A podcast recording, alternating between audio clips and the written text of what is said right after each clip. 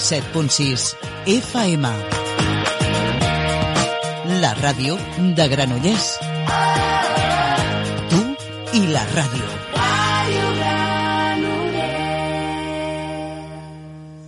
Busques feina? Forma't. Al Centre de Formació Pere Terrés trobaràs cursos en àmbits com el sociosanitari i del lleure, finançats 100% pel Servei d'Ocupació de Catalunya i el Ministeri d'Educació i Formació Professional. Cursos presencials i online a Barcelona i ara també a Granollers. Entra a pereterrés.org barra subvencionada o truca al 93 410 1602. Aposta pel teu futur.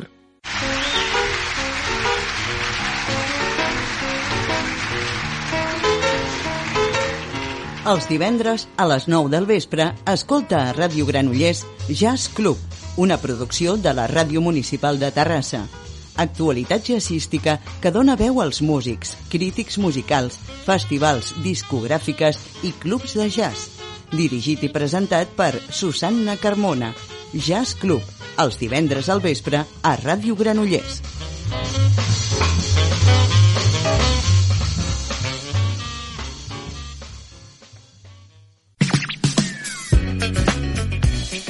Dissabte a les 12, des del Palau Blaugrana, Futbol Club Barcelona, Fraikin Balonmano Granollers. La Lliga Soba la juga a Ràdio Granollers.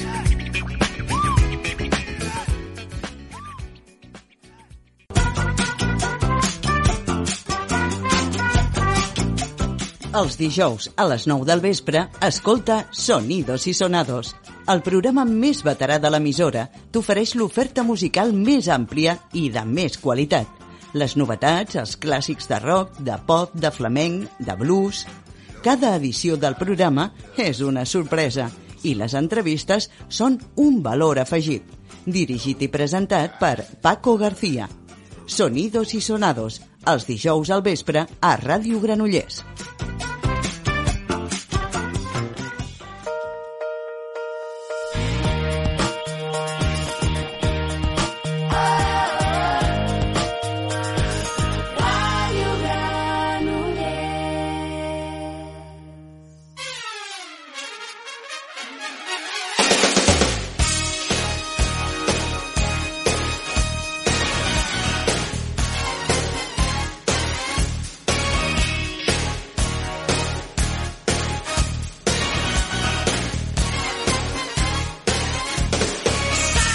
Som aquí!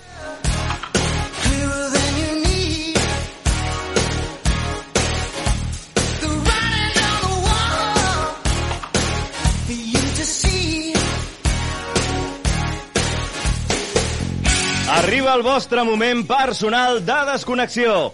Un espai dissenyat i preparat tot de cara al vostre entreteniment i que per damunt de tot vol fer-vos pensar en altres coses.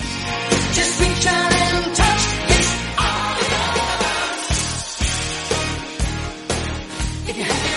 Ja sabeu que l'actualitat se centra en temes molt diversos, com per exemple la guerra que s'està vivint malauradament entre Rússia i Ucrània.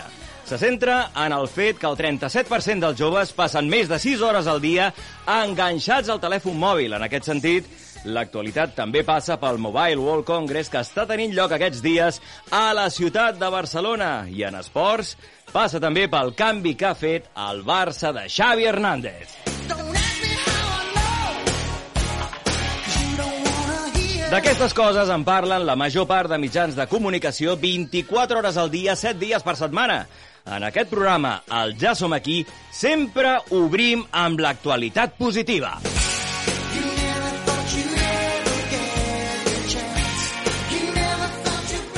En positiu i molt important, obrim ressaltant el fet doncs, que aquest programa avui és el primer que fem en directe des dels estudis de Ràdio Granollers. Aquesta, sense cap mena de dubte, és una notícia meravellosa i que, per què no dir-ho, ens fa moltíssima il·lusió. En aquest sentit, li agraïm al Josep Maria Codina, director de Ràdio Granollers, la confiança oferint-nos el seu suport. Serem amb vosaltres des d'avui tots els divendres de 3 a 5 de la tarda i esperem que hi participeu. Aquí ningú se'n salva. Amigues i amics de Granollers, teniu obertes les línies telefòniques per participar d'aquest al vostre programa. Dit això, comencem ràpidament amb aquest espai que cada setmana el fem possible.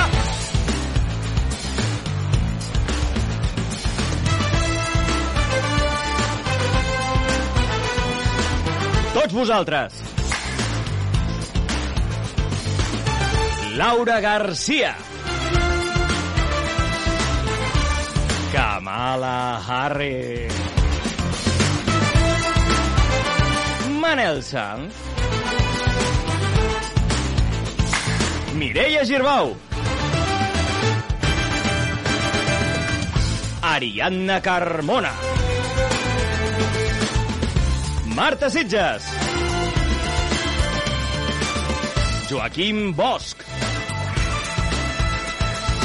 Joel Parera. L'Abril Pomares. Hola, Edu!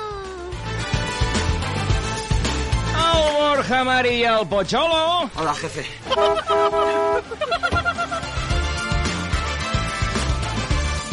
I qui us parla? Eduard Buil. Voleu saber el que us tenim preparat per avui? Som-hi!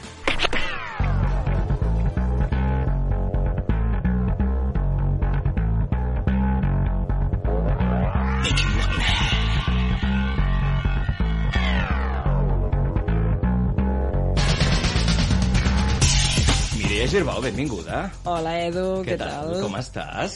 Pues una mica nervioseta, eh? Eh. No t'ho negaré. És el primer dia. Escolta, això, després de l'1 ve el 2, el 3, el 4... amb què comencem? Vinga, va. doncs va, comencem amb el Manel Sanz, el nostre expert en viatges, qui aquesta setmana ens porta com a convidada l'Helena Short, Area Lead Manager de la plataforma de reserves d'apartaments vacacionals Bookieplay. Què més tenim? Doncs després arriba la Laura Garcia amb les seves recomanacions literàries de la mà dels amics de Booklife, qui avui ens parla de l'empatia. Fa tanta falta l'empatia. Més coses. Atenció, perquè avui al Ja som aquí ens acompanya una persona polifacètica. És periodista, crític de cinema i escriptor. A més, ens presentarà el seu darrer treball, La dona eterna. Avui ens acompanya Pep Prieto. I atenció, perquè després del Pep Prieto estrenem secció.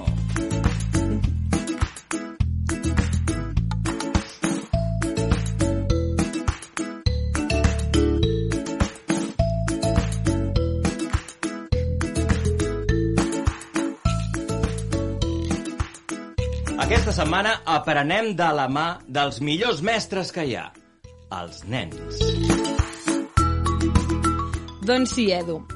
Recordeu aquest nom, Abril Pomares. Un cop al mes ens posarà a prova, i no ho dic per dir. Ens posarà a prova de debò, amb exàmens dictats i amb classes magistrals. Que no ens passi res.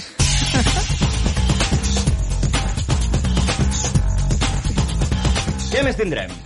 Doncs tindrem música amb el Joel Parera, cap tècnic del Ja Som Aquí i presentador del viatge electrònic, qui totes les setmanes ens descobreix la millor música electrònica d'aquesta casa.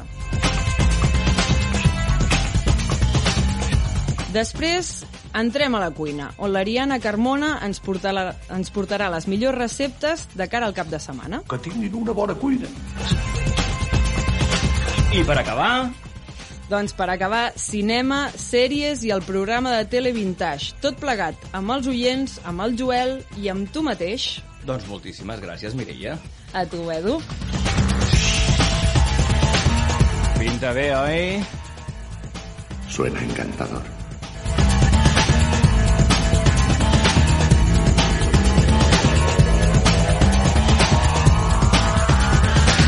Amb tot plegat tenim dues hores pensades només per vosaltres, així que benvingudes, benvinguts, ja som aquí.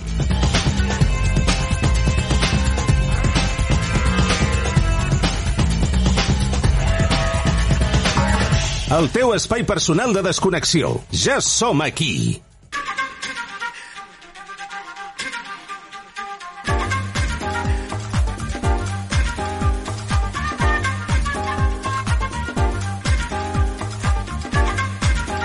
Com sempre, comencem dins del món dels viatges. Afortunadament, en aquest programa comptem amb el major expert en aquest camp a nivell mundial. Arriba en Manel Sant. I atenció, perquè avui no ve sol, ve ben acompanyat. Manel Sanz, bienvenido. Buenas, ¿cómo estáis? ¿Qué tal? Estoy ilusionado de estar en el primer programa del Jason aquí de Radio Granollers. Hombre, has visto, en realidad, hoy hacemos un debut espectacular. Y además, tú te lo has preparado muy bien, porque no vienes solo, ¿verdad? Bueno, aparte de que no vengo solo, me he puesto mis mejores galas para el día de hoy. Hombre, yo también. Yo, yo debo decirlo, que yo también me he puesto la camisa, voy muy arreglado, ¿eh? Pues ya está, buenas vibraciones. Pues sí, hoy no vengo solo, Edu. Hoy te voy a presentar una de las mejores plataformas de reservas de apartamentos vacacionales. También es una plataforma sencilla para la gestión de alquiler de apartamentos vacacionales que te facilita la vida como anfitrión. O sea que tenemos las dos vertientes, tanto para huéspedes como para anfitriones. ¿Y de quién estamos hablando? Pues de Bookyplay. Ah, para conocer para conocer mejor esta plataforma tenemos a Elena Short, que es responsable del área de Cataluña. Así que, hola Elena, bienvenida. Hola, ¿qué tal, Manuel? Muchísimas gracias por invitarme al programa de hoy. Elena, bienvenida, ¿cómo estás? Todo bien, todo bien. También tengo que decir que me he puesto mis mejores galas, ¿eh? Hombre. Mucha ilusión de este programa. Por supuesto, hombre, no esperábamos menos, Elena. Cuéntanos, ¿qué es Bookyplay? Pues como Manel ha dicho, uh, es una plataforma tecnológica que sirve para propietarios de alquiler vacacional, ya tengan casas o apartamentos, y les permite de una manera muy sencillita conectarse con diferentes portales de Internet. Pero aparte de esto, lo bueno que tiene es que nos conectamos con nuestra propia plataforma de reservas y de esta manera unimos lo que es el cliente, el huésped, con el propietario. ¿Pero qué os hace diferentes, Elena? Quiero decir, ¿qué hace diferente a Bookyplay de las otras plataformas de reservas de apartamentos? al buscar nuestra propia página web, aparte de que pues tenemos propietarios que trabajan en exclusividad con nosotros, por lo tanto sería propiedades que tenemos en exclusividad en nuestra propia página web, en nuestro grupo, porque Bookyplay pertenece al grupo Holidoo. Pero aparte de esto, nosotros tenemos lo que llamamos la garantía del mejor precio. Esto hace que aseguremos al huésped que va a recibir el mejor precio garantizado, el precio más bajo del mercado. Además, ofrecemos a los propietarios eh, pues contenido profesional, como son fotografías profesionales, textos traducidos en cinco idiomas, y así el viajero puede hacerse una idea de lo que realmente está buscando y una imagen más detallada de la propiedad. Y si además quedase alguna duda, después de todos nuestros textos descriptivos, las fotografías, tenemos un servicio de atención al cliente que habla en diferentes idiomas a nivel nativo de cada huésped, que les ayudaría en cualquier duda que tuviesen. Además, este servicio de atención al cliente está directamente conectado con los propietarios, no es un servicio de atención al cliente general, así que garantizamos el mejor precio y un servicio excelente para todos nuestros huéspedes. Manel, ¿le querías Pues- comentar alguna cosa a Elena? Sí, yo quería comentarle a Elena que como además nos conocemos y trabajamos en el mismo gremio prácticamente, Elena, ¿qué garantías tiene el cliente que reserva un apartamento, un Bookyplay? Por ejemplo, en caso de que el cliente llegue, hay un overbooking o que, como hemos oído en alguna ocasión, el apartamento llega y no está, no existe en el destino. ¿Qué garantía le dais al cliente? Pasa, eh, Manel, pasa, pasa. Lo sabemos tú y yo, que muchas veces cuando llegas al destino, le ha pasado a amigas mías, ¿eh? de que el apartamento no existe o la casa no existe. ¿Y qué hacemos, no? Estoy en un país extranjero, no tengo, no tengo ni idea de qué hacer, qué puedo hacer. Bueno, pues lo bueno que tiene Bookyplay es que tenemos oficinas locales. Entonces, nuestros expertos contactan al propietario directamente e intentamos siempre hacerlo además de manera presencial, ¿no? Entonces, tener esa relación con el propietario para asegurarnos de que la casa existe, de que todo va a ir bien, de que vamos a evitar esos solapamientos y por lo tanto esos overbookings. Entonces, esto hace que se configure la propiedad ya teniendo en cuenta pues los bloqueos en el calendario. Aparte, pues para evitar esos overbookings, como decíamos antes, Bookiply no solo es una, un portal donde alquilar, sino que es una plataforma que conecta con diversos portales, pero de manera automática. Entonces tú puedes estar en distintos portales, pero si te entra una, una reserva por un portal que no sea el de Bookiply, se va a bloquear el calendario directamente en Bookiply. Y así Ya. evitamos seguro tener esos solapamientos. Pero una Aparte cosita, de- Elena. Dime, dime. Por ejemplo, yo, que, ah, yo sé que es que ha pasado y además yo llego a Tenerife y resulta que ese apartamento no existe. ¿Vosotros os preocupáis de buscarle un apartamento a ese cliente? Por supuesto que sí, pero es que eso no nos va a pasar, Manel, porque nosotros lo que hacemos es eso, asegurarnos que el propietario existe. Aparte Vale, de intentar siempre pues hacer una reunión presencial, es verdad que con los tiempos que corren a veces tenemos que hacerla online, ¿no? Pero intentamos siempre ver al propietario. Pero si no fuese posible, le solicitamos una documentación necesaria para asegurarnos de que la casa es de ese propietario y que realmente existe. Entonces, no nos ha pasado nunca, por suerte, pero si pasase, si algún día pues tenemos un fraude y no podemos a- apoyar a ese cliente, siempre, o sea, en esa casa, digamos, siempre le ayudaríamos a conseguir otra casa y desde luego no lo dejaríamos tirado en destino. Elena, ahora que se acercan las eh, vacaciones de Semana Santa, ¿qué destinos, tanto a nivel nacional como internacional, tenéis? O como mínimo, ¿cuáles tienen más demanda? Bueno, a nivel nacional tenemos un claro ganador. Creo que Manel sabe de quién hablo. Ah, son las Islas Canarias. Eh, por supuesto, sí, sí. Estamos viendo que, bueno, hay muchísima demanda. Eh, me- nuestro equipo ahí en Santa Cruz de Tenerife está recibiendo muchísimas reservas, de hecho, más de las esperadas. Y bueno, después de las Islas Canarias también, pues el, el destino típico es las Islas Baleares, eh, seguido de Andalucía, sobre todo la Costa del Sol, Alicante y Barcelona que es donde casualmente Bookiply tiene sus oficinas eh, en, en esos diferentes sitios. Al final, ah, pues son claras zonas de, de potencial turístico y, y es lo que estamos viendo. Que es, esa es la, la- zona nacional. Y a nivel internacional, las capitales nunca fallan. Estamos hablando más de París, Roma, Londres, y le siguen de cerca Lisboa y Milán, que de hecho Lisboa es donde hemos abierto una de nuestras últimas oficinas. Hombre, pues qué bien, tenemos ya otro destino directamente a tener en cuenta. ¿Qué control hacéis sobre los alojamientos? ¿Habláis con los propietarios? Esto es importante porque más que nada para, garantir lo que, para garantizar lo que decíamos, la calidad y la fiabilidad del, alojamiento.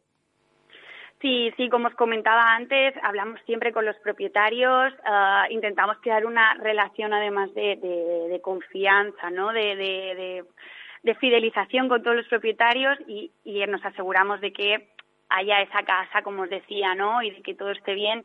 Pero además, no todas las casas pueden estar en, en.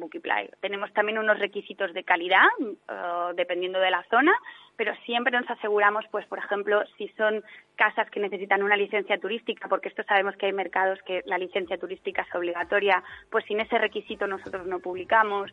O, o, por ejemplo, una cierta calidad de la propiedad, ya sea en precio, ya sea en tipología de propiedad, siempre aparte no de no de solo de que exista sino de que además cuando el viajero llegue tenga ese servicio mínimo no de, de, de, bueno pues limpieza o pues que el propietario haga bien la entrada pues una serie de requisitos mínimos que solicitamos para que una casa esté dentro de Bookiply. Elena Short, Area Lead Manager de Bookieplay, muchas gracias por habernos acompañado y un abrazo fuerte. Gracias a vosotros por haberme atendido hoy y bueno que tengáis un muy buen día y disfrutéis de ese primer programa. Muchísimas gracias. Chao. Manel, Dígame. la semana que viene, ¿qué tenemos? Pues la semana que viene estoy trabajando en ello, la verdad, pero como bien ha dicho Elena, tenemos mucho trabajo en Tenerife, Sí. gracias a Dios. Y nada, pues ya te lo contaré. Nada más decirte que te deseo mucha suerte Muchas gracias. Y a ti también. Porque y que este programa sea todo un éxito y todo mi apoyo, sobre todo, por favor, a Ucrania. Sobre supuesto. Todo mi apoyo. Un abrazo, Manel. Hasta la próxima semana. Hasta la próxima semana, chicos. Un besazo. Chao.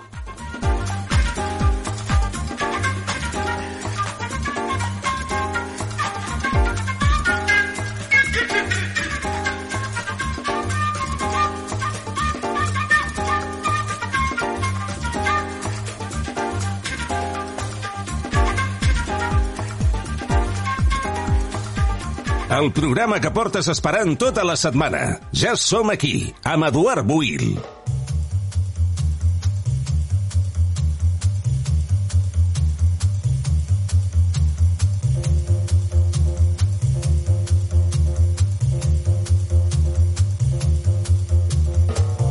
Bárbara King Solver va La empatía es lo opuesto a la mezquindad espiritual. Es la capacidad de entender que cada guerra se pierde y se gana y que el dolor de otra persona es tan significativo como el tuyo.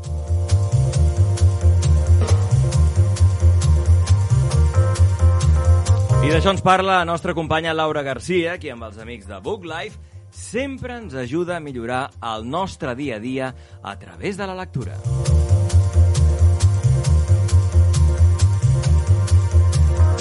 Avui parlem d'un tema més que necessari en els temps que corren. Avui parlem de l'empatia.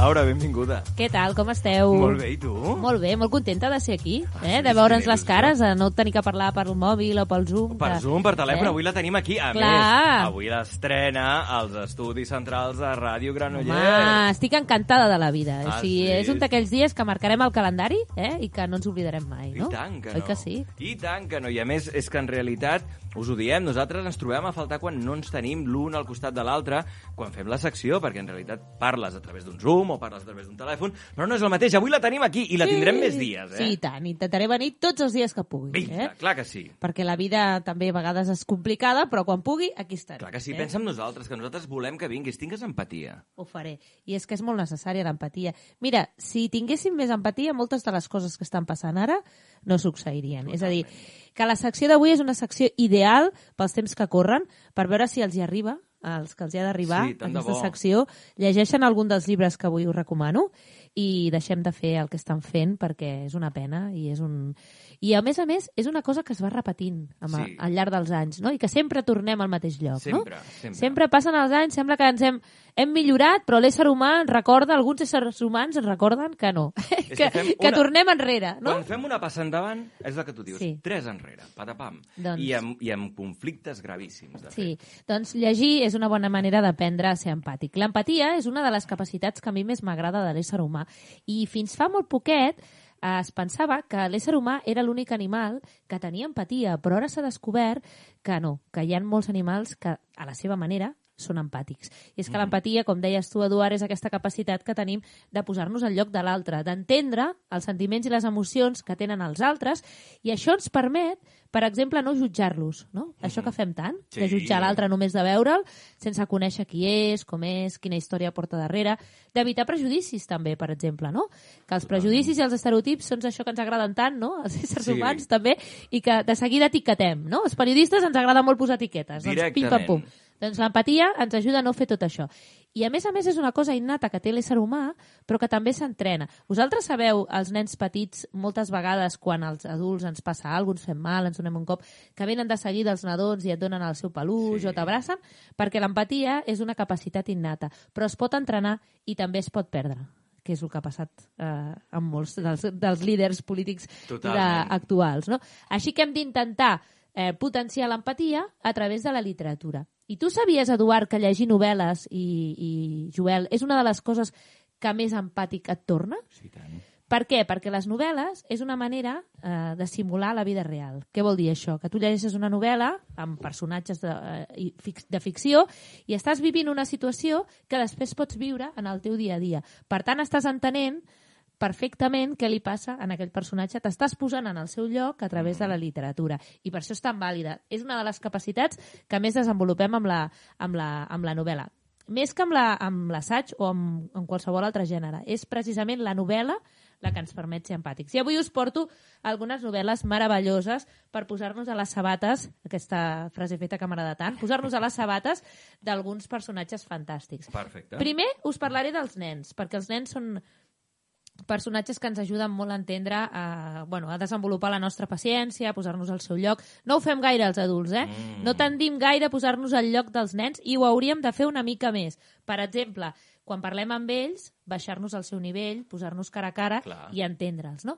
El secret del meu turbant, de la Nàdia Golam, escrit per l'Agnes Roger, és un llibre meravellós que ens ajuda a entendre la, la situació que van viure durant fa molt de temps, bueno, durant molts anys els nens i nenes de l'Afganistan. De fet, la Nàdia Golam és una de les eh, nenes que ha vingut aquí a casa nostra després de viure situacions a l'Afganistan eh, molt dures. Ella, eh, després d'una que una bomba arrasés casa seva, va decidir convertir-se en un nen perquè en aquella època a l'Afganistan només els nens podien treballar i casa seva necessitava que ella treballés per, bueno, doncs per guanyar-se la vida i poder sobreviure. Doncs va estar 8 anys fent-se passar per un nen, eh, arriscant la seva vida cada dia perquè, perquè la seva família pogués tenir diners. Després va venir aquí a casa nostra, adoptada per una família de Badalona molt maca, sí. i ella explica la seva experiència. I és un llibre meravellós per entendre que cal saber que a molts països molts nens i nenes passen conflictes molt greus, com ara els estan vivint els nens d'Ucraïna, i que abans de jutjar-los o veure'ls pel carrer i,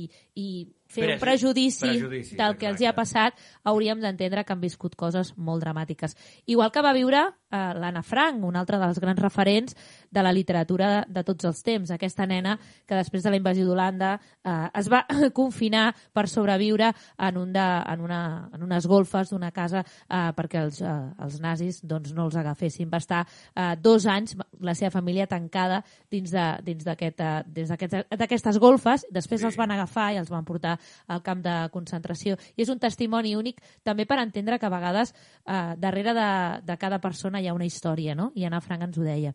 No sé si heu llegit a la vostra adolescència El senyor de les mosques, del William Goldwyn. tant, i Aquesta gran novel·la que després se'n va fer una pel·lícula. Sí. Molt dura la pel·lícula perquè les imatges eren bastant potents. Aquesta és la història d'uns nens que tenen un accident d'avió que van a parar a una illa i que queden sols sense cap adult. No? Aquesta és una novel·la que ens ajuda a entendre com l'ésser humà és capaç de fer coses increïbles en situacions extremes, no? I com els nens es poden convertir en salvatges quan en realitat no ho són, No ho perquè els són. nens, els nens són espiri, es- esperits lliures i purs, no? Però en situacions eh, complexes com a la que viuen aquests nens, doncs es converteixen en salvatges. Igual, Creen, creen una societat, a més. creen una molt- societat dividida sí. entre els que volen fer les coses bé i els que volen sobreviure a base de, de, de matar doncs, les persones que, o, o els animals que els volen assetjar. Exacte. No es posen d'acord, creen dos bàndols i al final entre ells es barallen. I aquestes societats que l'ésser humà acostuma a fer a l'edat adulta, doncs ells ho fan sent uns nens que no els hi toca, no? Però entens perfectament per què cadascú es comporta com es comporta, perquè viu una, una circumstància molt concreta, no? I perquè porten unes motxilles molt concretes. Igual que els hi passa a Claus i Lucas, una altra novel·la meravellosa de la Gota Christoph, que és una, és una uh, escriptora que va, que va dividir la seva història real en una trilogia, la primera d'elles és Claus i Lucas, dos nens que van viure, dos germans bessons, que van viure uh, una situació a Hongria, una altra guerra, no? Avui, Avui va de guerres, Avui va de guerres perquè estem en una situació complexa, no? Sí. Um, que va viure que, que viuen a Hongria, un, un, al seu país natal, el país natal de l'autora, eh, doncs eh, la seva mare els deixa amb la seva àvia, que era un ésser bueno, un ésser eh, horrible que els maltractava, i ells, que eren dos germans que s'estimaven molt i que eren dos nens meravellosos, s'acaben convertint en dos petits salvatges que fan coses també que no, que no entendríem si no hem llegit la seva història. No? És molt important saber d'on venen, venen les persones per entendre que no justificar eh, els seus actes no? I, el, i el que succeeix. I deixa'm acabar amb dos llibres, amb un llibre de natura i un llibre de, de, de, de, de relacions eh, de parella.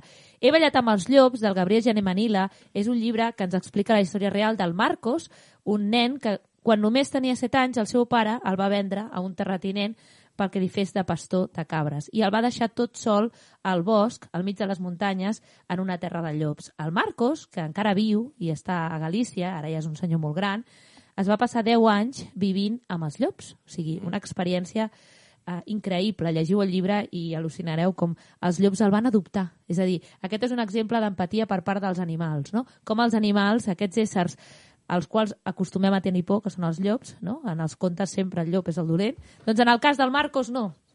En el cas del Marcos, el van adoptar, el van fer membre de la seva manada, gràcies a ell, a ells va sobreviure i al cap de 10 anys el van trobar, en tenia 17.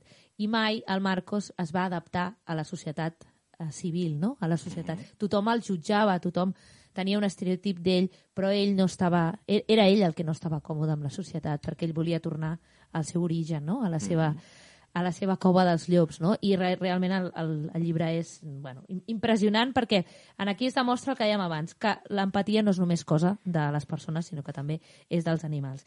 I deixeu-me acabar amb un llibre de la Jenny O'Fill que es diu Departament d'Especulacions, perquè a les relacions humanes també s'ha de tenir molta empatia amb els amics, per exemple. Si vols conservar els amics, has de tenir molta empatia, entendre per què a vegades fan coses que a tu no et semblen bé, i sobretot amb la parella. No? Mhm, amb la parella s'ha de tenir molta empatia i has d'intentar entendre per què a vegades no està de bon humor o mm, fa coses que no t'agraden. I el Departament d'Especulacions de la Jenny O'Fill ens explica la història de dos, una història d'amor meravellosa, no d'aquelles de, de, de William Shakespeare, no, de les reals, no? D'una parella que es coneixen de joves, que viuen un amor apassionat però tranquil, d'aquell que es va fent a foc lent, i de cop i volta passen els anys, viuen coses meravelloses, però les coses comencen a trontollar. I és ella la que s'adona, fent marxa enrere, de que ha de trobar el moment en què les coses van començar a anar malament per arreglar-lo salvar la situació. I ho acaba aconseguint amb molta empatia, amb molta paciència, i aquestes són les coses que passen a la vida real, no?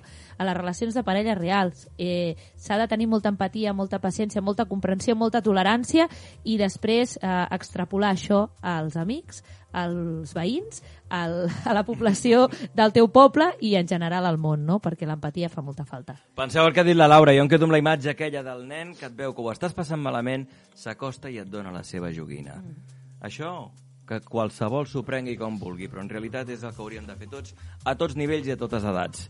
Laura, moltíssimes gràcies. Gràcies a vosaltres Ens i, veiem i ens veiem aviat. setmana. Eh? Que vagi molt bé. Adeu.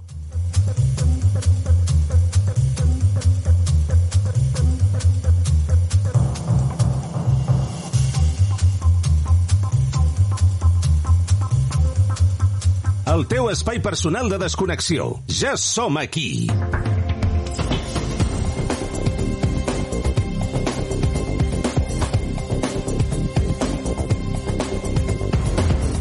És el vostre moment.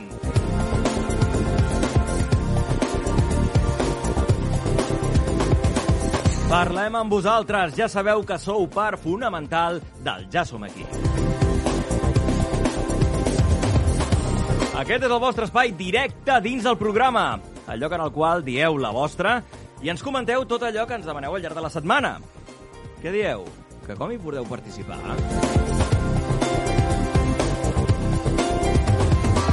I teniu dues opcions. La primera, a través de l'Instagram del programa. Ja som aquí ràdio. La segona, a través del correu electrònic. Ja som aquí ràdio, arroba gmail.com. Ja som aquí ràdio, arroba gmail.com. La responsable d'aquest apartat és la nostra companya Marta Sitges. Marta, benvinguda. Hola, Edu. Com estàs? Doncs mira, estic contentíssima d'estrenar estudi de ràdio aquí a Ràdio Granollers. Ja ho pots ben dir. Des d'aquí donem les gràcies pel vot de confiança. Vinga, va, per on comencem? Doncs mira, acabem de rebre un missatge a l'Instagram del programa Ja som aquí ràdio de la Núria de Cardedeu. La Núria ens dona l'enhorabona per aquesta nova etapa a Ràdio Granollers. A més a més, la Núria aprofita per llançar una proposta que m'ha agradat molt, Edu. Ens diu que seria molt xulo que algun dia poguéssim gravar el programa en streaming i així els oients doncs, ens posarien cara. Doncs el cert és que és una idea genial.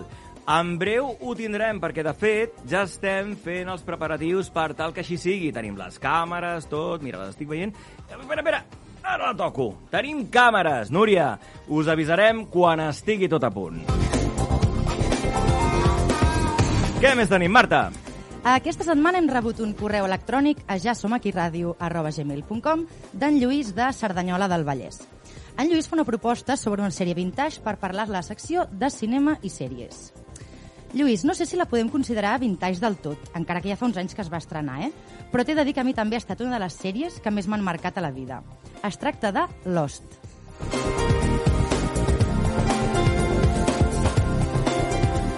Brutal Lost. Tenint en compte que Lost es va estrenar a principis del 2000, si no vaig errat, i d'això ja fa més de 20 anys, penso que, doncs que sí, que la podem considerar sèrie vintage. Coens, què n'opines? Ell diu que així, així, eh? És que en realitat va marcar la teva vida? A mi em va encantar l'Host. Sí? sí. A mi d'aquesta Sí, sí. factoria, de la factoria Brahms, la que més m'agrada és Fringe. Però bé, valorarem, valorarem, eh? Perquè, a més, Lost té quatre temporades i si la guanyes com a premi, anem sempre. Ja ho hem dit, sou part de l'equip del Ja som aquí. Tot allò que ens vulgueu fer saber o proposar tindrà ressò a través de la nostra central de dades. Marta, fins ara. Fins ara.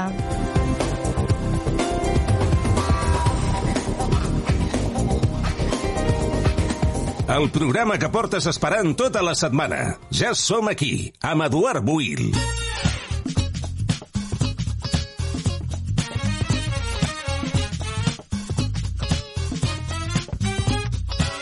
Avui ens acompanya el Ja som aquí una persona qui segur que l'heu escoltada, o l'heu llegida, o bé l'heu vist per televisió.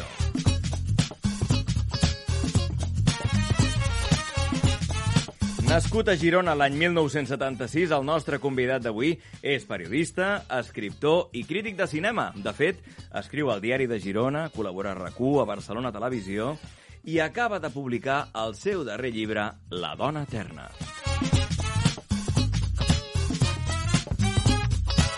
Parlar amb ell és sinònim de passar una bona estona descobrint la seva obra i, a més, la seva visió com a crític de cinema. Avui ens acompanya, el Ja som aquí, Pep Prieto.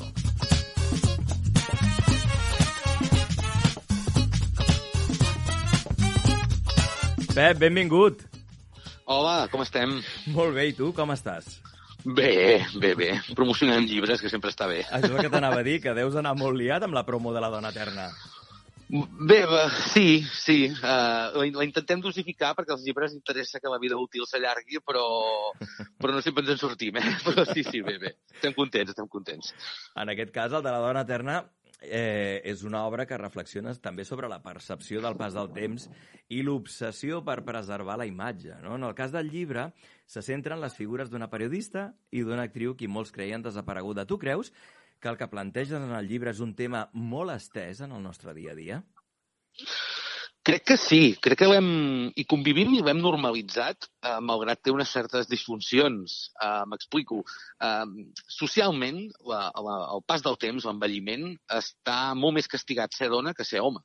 Uh, mm -hmm. I això ho vaig, voler, ho vaig voler enfocar des del punt de vista de les actrius, perquè, clar, les actrius estan sota el focus sí. i estan en una feina on singularment, i dic singularment per dir-ho suaument, eh, amb, amb el temps és més fàcil veure una actriu desapareguent fonent-se en el record col·lectiu que no pas un actor. Això passa perquè a partir de determinada edat una actriu deixa de tenir rols principals i passa a protagonitzar papers molt més secundaris i sembla que a partir dels 40 no pot ser interès romàntic de ningú, sinó que és o una mare o, o la dona d'algú o, o una veïna, no? I això és, és un fet que passa i que realment eh, volia que fos motor del llibre perquè és un tema que m'obsessiona a mi com a professional de, de temes de cinema i de sèries des de fa anys i se'm va ocórrer enfocar-ho des del punt de vista d'un thriller, no? que hi hagués un misteri al, al voltant d'això. Perquè considerava que és un tema que és viu i que, i que, no, i que potser no hi reflexionem prou col·lectivament.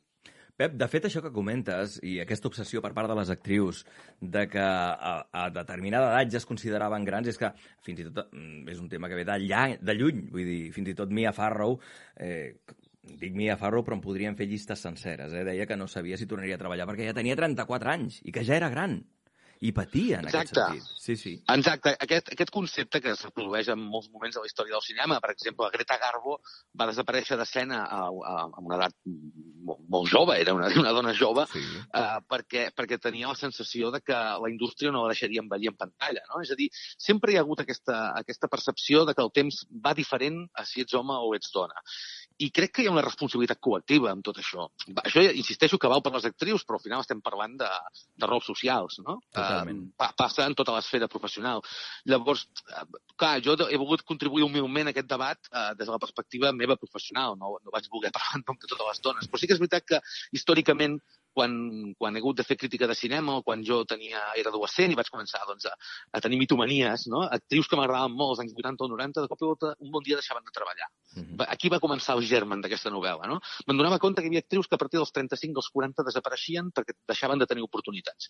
I això, durant molts anys, eh, va estar al meu cap com a, com a possible thriller fins que vaig trobar el fil del, del qual estirar. No? I per això al final eh, vaig concretar, ho vaig concretar en la figura d'aquesta dona eterna que, que és Aurora Ferrer, que és el personatge de l'actriu inventada del llibre. Un llibre que, pel que tu comentes, és el que més t'ha costat escriure. Sí, perquè hi havia, per una banda, el punt de vista eminentment femení, o els personatges principals són dones, són, uh, i concretament hi ha aquesta dialèctica permanent entre la periodista, que és, uh, es diu Agnès, i l'actriu Aurora Ferrer, i això, vulguis o no, requeria de mi travessar sostres de la meva pròpia creativitat, no? Um, necessitava aproximar-me als personatges d'una manera que, que fossin creïbles. I això a mi em va comportar un desafiament. Però és que, a més a més, és un llibre d'una estructura molt particular, va saltant en el temps, hi ha eh, fets que passen 50 anys enrere que tenen un ressò en el present. Sí. Per tant, això requeria de mi eh, un, un sentit de l'ordre que a vegades no tinc. I, i, i vaig, haver de, vaig haver de trencar amb molts dels meus límits en aquest aspecte. I, de fet, t'he de dir que quan el vaig entregar a l'editorial i vaig tenir la primera resposta de l'editora, me'n recordo que a ella li va agradar i no em va qüestionar res de l'estructura, potser alguns detalls i tal, però vaig pensar, ostres, sort, perquè jo he de confessar que per primer cop en tants anys de carrera literària em sentia... eh, Estava molt inquiet, realment, i encara ara que el llibre ja és, ja és a les llibreries i que la gent el pot començar a llegir, estic molt encuriosit per veure la resposta perquè vaig sentir-me que em costava molt de fer-lo, no? però també t'he de dir que n'estic orgullós, o sigui que ha compensat. L'experiència ha estat compensatòria. Pensa que segur que la resposta és positiva perquè és un tema que segueix d'actualitat tot i que ve de lluny. Pensa que hi ha moltes actrius que fins i tot han de recórrer a la cirurgia estètica per intentar semblar més joves per aquesta creença que encara s'arrossega del passat. Un fet que no només és injust, sinó que sembla que la dona se la castigui pel sol fet d'envellir. Exactament, sí, sí, sí, és l'essència. De fet, eh, és curiós, jo mai he criticat aquesta, la, la cirurgia estètica, que és un tema molt sovint molt criticat socialment, no? És allò de, oh, mira què s'ha fet. Eh, Bueno, però és que també les entenc. Intento posar-me a la seva pell, la, que a més a més això és universal, eh? la, la preservació del temps eh, preval per tothom. L'única cosa és que els homes és veritat que poden envellir i d'alguna manera, fixa't, hi ha actors de 50 anys que encara poden, poden tenir, eh, poden ser interès romàntic en una ficció i ningú posa en dubte. En canvi, quan una dona té un interès romàntic als 55 en pantalla, es parla de l'excepcionalitat de que ho faci. Sí. A mi això em sembla una injustícia flagrant, no? Però, a més a més, eh, la cirurgia, en el cas de la cirurgia, no deixa de ser part del missatge que estàvem comentant tu i jo. És a dir, és aquest intent d'aturar el temps. El temps al final ens unifica a tots. No entén de gèneres, no entén de classes socials, és a dir, és, un, és, un, és una tirania amb la qual convivim tots i totes. I, I aquest és un dels temes del llibre també, no? Com la percepció del temps ens transforma com a individus, sovint ens impedeix de recordar qui érem, i és, és un tema que m'ha obsessionat sempre com a autor i que aquesta novel·la l'he enfocat cara a cara, diguéssim, no? Era, era el tronc central de la, de la narració. Pep, has de saber que en aquest programa sempre volem conèixer, a banda de la faceta més pública, la persona que hi ha al darrere del convidat. Així que et sembla bé que coneguem el Pep? Sí, home, sí. Bona sort. El provem-ho, provem-ho, a veure si hi ha sort. Sí, sí. Nascut a Girona, l'any 76, encara ets de l'EGB. Sí, sí, encara sóc de l'EGB, sí. Que, com veiem, t'he de dir que de l'EGB, eh, ja sé que hi ha, cer- hi ha certa sublimació de l'EGB, eh, però t'he de dir que veient el meu fill eh, i, el, i, el, i el que aprèn a escola ara, el meu fill té 14 anys, sí. t'he de dir que crec que la seva primària ha estat bastant més productiva que el meu EGB, eh? Sens és a dir, és, és, és, més, és molt més espavilat que jo amb infinitat de coses. Afortunadament, també t'he de dir. Eres bon nen o eres un pèl trasto, tu, en aquella època? Era, era a casa trasto i a l'escola tímid, molt tímid. Uh -huh. Uh, de fet, vaig trigar molt a deixar de ser tímid. Encara conservo certa prudència, encara que em dedico a temes molt públics i, sí. i com bé deies al principi, doncs escric, que surto a TV, parlo per la ràdio, que són coses que aparentment est- estan renyides amb la timidesa, però encara me'n recordo del nen que era amb això. Eh? A vegades encara ara tinc moments de neguit davant circumstàncies que requereixen molta exposició de la meva figura, malgrat sembla una contradicció, eh? Mhm. Però a casa sí, a casa la meva mare t'ho diria, sempre he estat, havia estat molt contestatari, molt rebel, uh, però també és veritat que al cap del dia era bona persona, eh? encara, encara m'hi considero, però, però sí, vaig tenir els meus punts, sí. I què volies ser de petit? Doncs el que he acabat sent, curiosament. Um, des de molt petit vaig era molt cinèfil, de, de molt petit, perquè a casa es veia molt cinema, i sempre havia volgut fer alguna cosa relacionada amb el cinema, fos fer-lo o fos parlar-ne. Llavors, Um, això era, era, una, era un, diguéssim, un doble objectiu. Pretenia ser crític, que eren el que els meus tios ho eren, dos tios que eren crítics de cinema quan jo era petit, i, per altra banda, volia escriure les meves pròpies històries. Sembla en aquell moment volia fer guions, però clar, els guions està molt bé voler-los fer, però si no tens productors al sí, costat difícilment els vendràs. I vaig acabar optant per la literatura d'una manera una mica accidental, perquè tenia una idea al cap que va acabar cristal·litzant en la meva primera novel·la, i, i clar, vull dir, quan miro enrere, penso, sí, he estat el que m'havia plantejat ser. A veure, també això ha implicat ser autònom, que com tothom sap sí, és el més semblant a ja, a ja cas que hi ha socialment. ser autònom. Però, però bé, però també t'he de dir que, vaja, sempre he preferit ser una mica més pobre i més feliç que no pas dedicar-me a coses que no m'agradessin eh, només per subsistència, no? Ja tenies clar el que volies fer, eh, tenies interès pel cinema, per les sèries. Quines sèries veies? Bé, les sèries és que és un fenomen que com, com a estructura, diguéssim, com a estructura de discurs s'ha s'ha articulat més tard. I, de Sí. fet, alguns crítics de cinema ens hem trobat que hem hagut de fer la migració cap a les sèries de televisió, que una cosa que vull dir, perquè es diu poc, i és que la crítica de cinema i de televisió estan molt relacionades, perquè són mecanismes similars de- d'escriptura de- i d'anàlisi, però són, en el fons són molt diferents. Eh? Eh, Hi ha un, són universos que conflueixen, però són diferents. De petit mirava sèries, bé, les sèries que miràvem tots aquella època, sèries d'aquestes de píndola setmanal, no? Des Sí. del Cotxe Fantàstico uh, fins a Cor Obert, que a casa era una sèrie... És a dir, casa meva poques vegades veiem tot, tots alguna cosa a la vegada, excepte pel·lícules sí que ho fèiem, de fer grans sessions familiars, però de sèries a Cor Obert recordo que era una cita inaudible els diumenges al vespre. És a dir, ja, ja podia caure una bomba atòmica sobre Girona que nosaltres haguéssim continuat mirant a Cor Obert. Sí. I, I Dallas no la veies? També, a vegades els candales vaig haver de negociar més. Uh, Sí, a, casa, a casa meva, a casa, la meva àvia, que era una persona adorable, però també molt religiosa, me'n recordo que uh, la, diguéssim, la, la, la pulsió eròtica de Dallas li provocava certa contradicció de que jo estigués davant de la tele. I Dallas era, havia de negociar. A mesura em vaig anar fent gran ja me la van deixar veure, però hi havia el, el, les, aquest tipus de sèrie on hi havia més, més fandango eròtico festiu, sí. aquí havia de negociar. Eh, em va costar molts anys, sí, sí, sí. Et vas decidir pel periodisme, però tenies una, un, un pla B o no? Bé, de fet no vaig fer periodisme, vaig fer història de l'art. Història de l'art. Entrar, eh, pla B era història de l'art. La singularitat és que història de l'art, vista en perspectiva, en aquell moment em vaig sentir molt fracassat per entrar periodisme, però és veritat que en perspectiva el que vaig aprendre a història de l'art segurament em va servir més per a la meva vida laboral actual que no pas si hagués fet periodisme, perquè la història de l'art em nodreix de, de cultura de l'anàlisi, de molta història de la iconografia i de la imatge. Eh, per tant, si m'ho paro a pensar, segurament la, la, el pla B va acabar sent el pla A. Hauria Sí. d'haver-ho estat de bon principi, no? I allà també vaig començar a conèixer gent que ha acabat sent determinant en la meva vida professional, vaig començar a col·laborar amb mitjans de comunicació i feia crítiques, justament, és a dir, que d'alguna manera la història de l'art era la, la, la veritable, el meu, el, meu veritable objectiu, no? Però, però no, sé, no sé, sempre m'ho he plantejat, uh, què hagués estat si no hagués estat això. No? Em- M'agraden altres coses de la vida, em fascinen moltes coses, però saps, la diferència en què t'agradi una cosa i fer-la és, és notable, eh? Per tant, no em veig fent cap altra cosa que el que estic fent ara.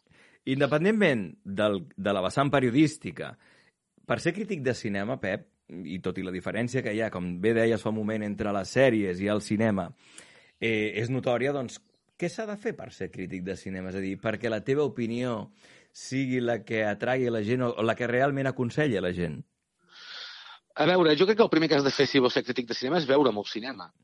I veure molt cinema dolent, perquè a vegades hi ha aquella cosa de hi ha clàssics que has de veure sí o sí. Home, evidentment els clàssics s'han de veure, però és molt important enfron- enfrontar-te a aquell tipus d'obra que no, que no t'agrada, perquè et nodreix d'arguments contraris. És a dir, és molt fàcil fer una crítica positiva, però és molt difícil fer una crítica negativa. Llavors has de veure molt cinema i sobretot t'ha d'agradar escriure. Perquè sempre he pensat que encara que acabis fent ràdio o TV, és molt important saber-ho expressar amb l'escriptura. Crec que l'escriptura és la clau, no? També eh, et dona moltes més eines lingüístiques a l'hora de parlar. Eh, vaja, jo crec que bàsicament, si algun quan m'ha passat, eh, m'han preguntat què s'ha de fer. Home, jo crec que has de fer una carrera vinculant a l'anàlisi, que et doni instruments per analitzar, i per altra banda has de tenir clar que has de veure de tot de tot, a tota hora i de tots els països i de totes les naturaleses. Jo a vegades, a veure, a mi el que em frustra del fenomen plataforma és que estic descobrint que he vist menys del que em pensava, perquè, clar, allà hi cap tot. Sí, i tant. I, però algú com jo, que sóc de fagocitar, de mirar moltes coses, a vegades em frustra perquè no arribo a tot, no? Perquè, clar, el- l'únic perill que té convertir, la- convertir la teva vocació en la teva professió és que arriba un moment que treballes tot el dia. Jo no, no recordo el que és enfrontar-me a un producte cultural sense analitzar-lo. Llavors, enyoro aquells temps en què mirava per mirar. Ah, Ara exacte. no, ara, ara miro, per treballar. Però per passar l'estona, no? Clar, clar, perquè és el que tu dius. Deus veure molt de cinema, moltes sèries. Ara mateix que estàs veient? Buf, un de tot. Um, clar, jo és que alterno les estrenes setmanals, que les haig de veure per feina, amb coses que tinc en, endreçades allà per veure-les amb més amb calma, no? Um, per exemple, no sé, ara que estic mirant, mira, estic mirant Eufòria, que va capítol per setmana, Uh, què més he vist? Vaig acabar de veure aquella sèrie espanyola de Movistar, Todos mienten. Sí, què et va semblar? Uh, bé, bé, sense més, eh, t'he de Uf, dir. és És que, que a mi em perdona- part d'un patró de sèrie Sí, no, però... Forma part d'un patró de sèrie que sí, m'interessa, sí. perquè els personatges i d'aquest tipus m'interessa, m'interessa molt Pau Freixa, que és el seu director, Sí. però vaig trobar que és de, de les que ha fet és potser de les que menys m'ha agradat, eh? però, però tot i així sempre... sempre és que m'agrada molt veure el producte autòcton, perquè a més a més els creadors d'aquí els trobo eh, molt interessants. Llavors, eh, he acabat de veure Hacks, que és una sèrie d'HBO Max que us Sí. recomano moltíssim. Sí. Eh, vaig començar a veure una cosa de Netflix que difícilment reprendré, que es diu Alguien está mintiendo.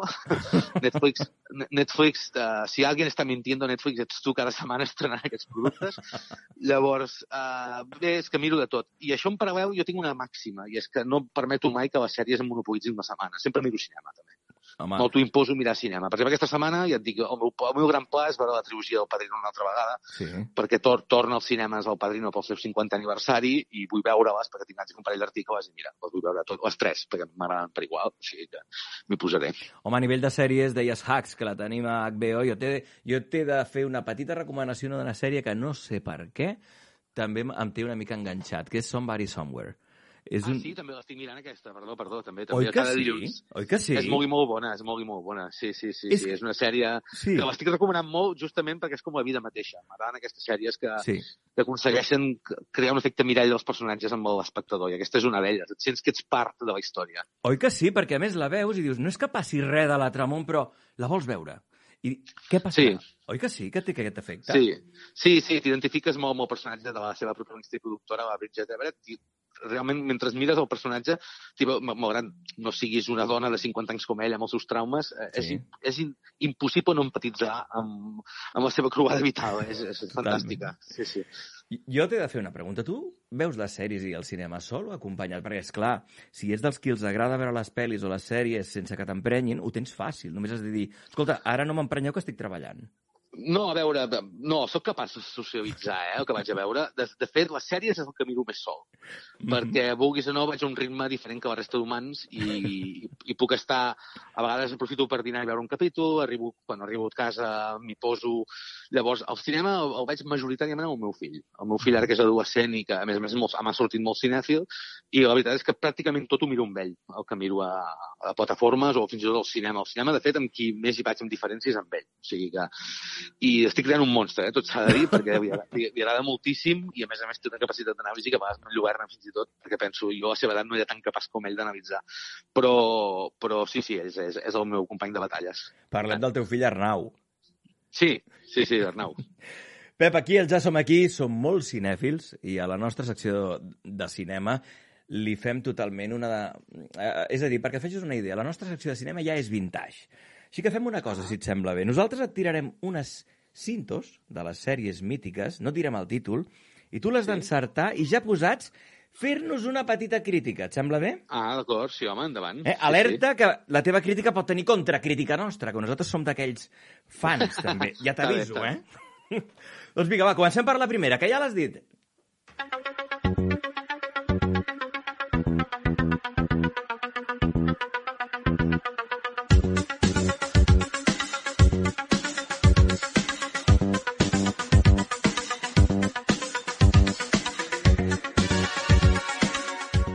La primera és fàcil, eh? Sí, home, això és el cotxe fantàstic, això. A veure, sí. va, crítica. A veure, jo... t'he de dir que és un exemple flagrant de sèrie que al pas del temps no li senta bé. Penso, eh? La vaig veure no fa gaire, vaig, perquè la, la matia no sé quin canal de la TDT a la matinada i vaig pensar que havia envellit molt malament. Però sempre me l'he mirat amb carinyo per un motiu, perquè de fet apostava per un tipus de, de rebat pseudofantàstic als 80 en un moment que es portava un, un altre tipus de registre dramàtic. Sí. Llavors, sempre he trobat que va ser com pioner en moltes coses. és una sèrie que s'hagués estrenat ara, probablement eh, s'hagués hagués estat més de culte i tot el que ja és. Uh, I a més a més, també he de confessar que tinc debilitat per David Hasselhoff. Home! És un tio, és un tio que té un morro que se'l trepitja i no ha, estat mai, no ha estat mai un bon actor, però em fa gràcia com viu lliurement la seva falta d'inspiració, diguéssim. Sí. L'assumeix i l'abraça sense cap tipus de mirament. Sense complexes. A veure, em miro l'equip del programa. Estem tots d'acord amb la crítica del Pep, sí? Ok, vale, endavant. Va, anem per una altra. La segona també és fàcil. En 1972, un comando compuesto por cuatro de los mejores hombres del ejército americano fueron encarcelados por un delito que no habían cometido. No tardaron en fugarse de la prisión en que se encontraban recluidos. Hoy, buscados todavía por el gobierno, sobreviven como soldados de fortuna. Si tiene usted algún problema y si los encuentra, quizá pueda contratarlos. El equipo A. A. Aquest... Bueno, portava, portava el títol, eh, l'espoiler estava a Totalment. la intro, eh? Aquí ja tenim l'espoiler i gairebé tot l'argument inicial. Què et sembla? A veure, jo aquesta és de les que veia cada setmana religiosament. Sí. T'he de dir, a mi el que més em fascina de l'equip A, que per cert, aprofito per reivindicar la pel·lícula que va fer Liam Neeson, que Totalment. sempre va ser un fracàs i a mi em, em sembla una pel·lícula collonuda. Però t'he de dir que, t'he de dir que A el que més em fascina quan la veig és la falta d'escrúpols a l'hora de, a l'hora de repetir plans d'explosions i, argu i arguments. És a dir, tots els capítols d'aquesta sèrie, excepte els del judici, la posterior fuga i comencen a treballar pel govern i tot això, són tots iguals. Tots És a dir, iguals. a tots van a una república bananera d'un país indeterminat, hi ha un tirà, que hi ha més, hi ha més dictadors en aquesta, en aquesta sèrie dels que mai hi ha hagut en la història de la humanitat, i ells misteriosament troben una persona que els necessita, és a dir, em, fa, em fascina la seva falta d'escrúpol. Ara, dit això, el carisma dels seus personatges jo crec que és modèlic. Total. Mai s'havia aconseguit, jo crec, amb, amb, més són, són molt bons actors, perquè són George Peppard, Dirk Benedict, el Dwight Schultz, que és un actor molt oblidat, però que feia de Matt Murdock, i Mr. T, que ara ningú recorda, però Mr. T, si havies vist Rocky 3, et semblava curiós veure en un paper d'aquest tipus. Llavors, crec que és una sèrie que mereix reivindicació perquè era, abans parlàvem de falta de complexos, doncs aquesta en té de falta de complexos. I és una sèrie que en el fons ha inspirat més el cinema d'acció posterior del que se li admet. Per tant, la reivindico. Estem tots d'acord? Tot l'equip d'acord. És que, clar, ens has enganxat a uns fans dels 80 que déu nhi A veure, ara, alerta, Pep, que la cosa es va complicant, eh? Aquesta ja comença. Este es Jesse Mack, un exmotorista herido en el cumplimiento del deber. Ahora es un especialista de la policía. Ha sido reclutado para una misión gubernamental de alto secreto con el fin de conducir el Halcón Callejero, una moto diseñada para luchar contra el crimen. Capaz de la increíble velocidad de 500 kilómetros por hora con un inmenso poder. Solo un hombre, el agente federal Norman Tuttle, conoce la verdadera identidad de Jesse Mack. El hombre, la máquina, el halcón callejero. I la musiqueta.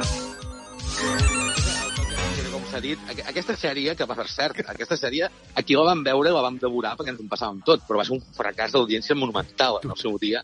Passa que a Espanya, com que hi havia dues cadenes, era fàcil que triomfés una sèrie, però, però aquesta sèrie era la rèplica motoritzada del Cotxe Fantàstic, o així ens la van vendre, i jo no l'he vist més, la recordo, eh, vagament.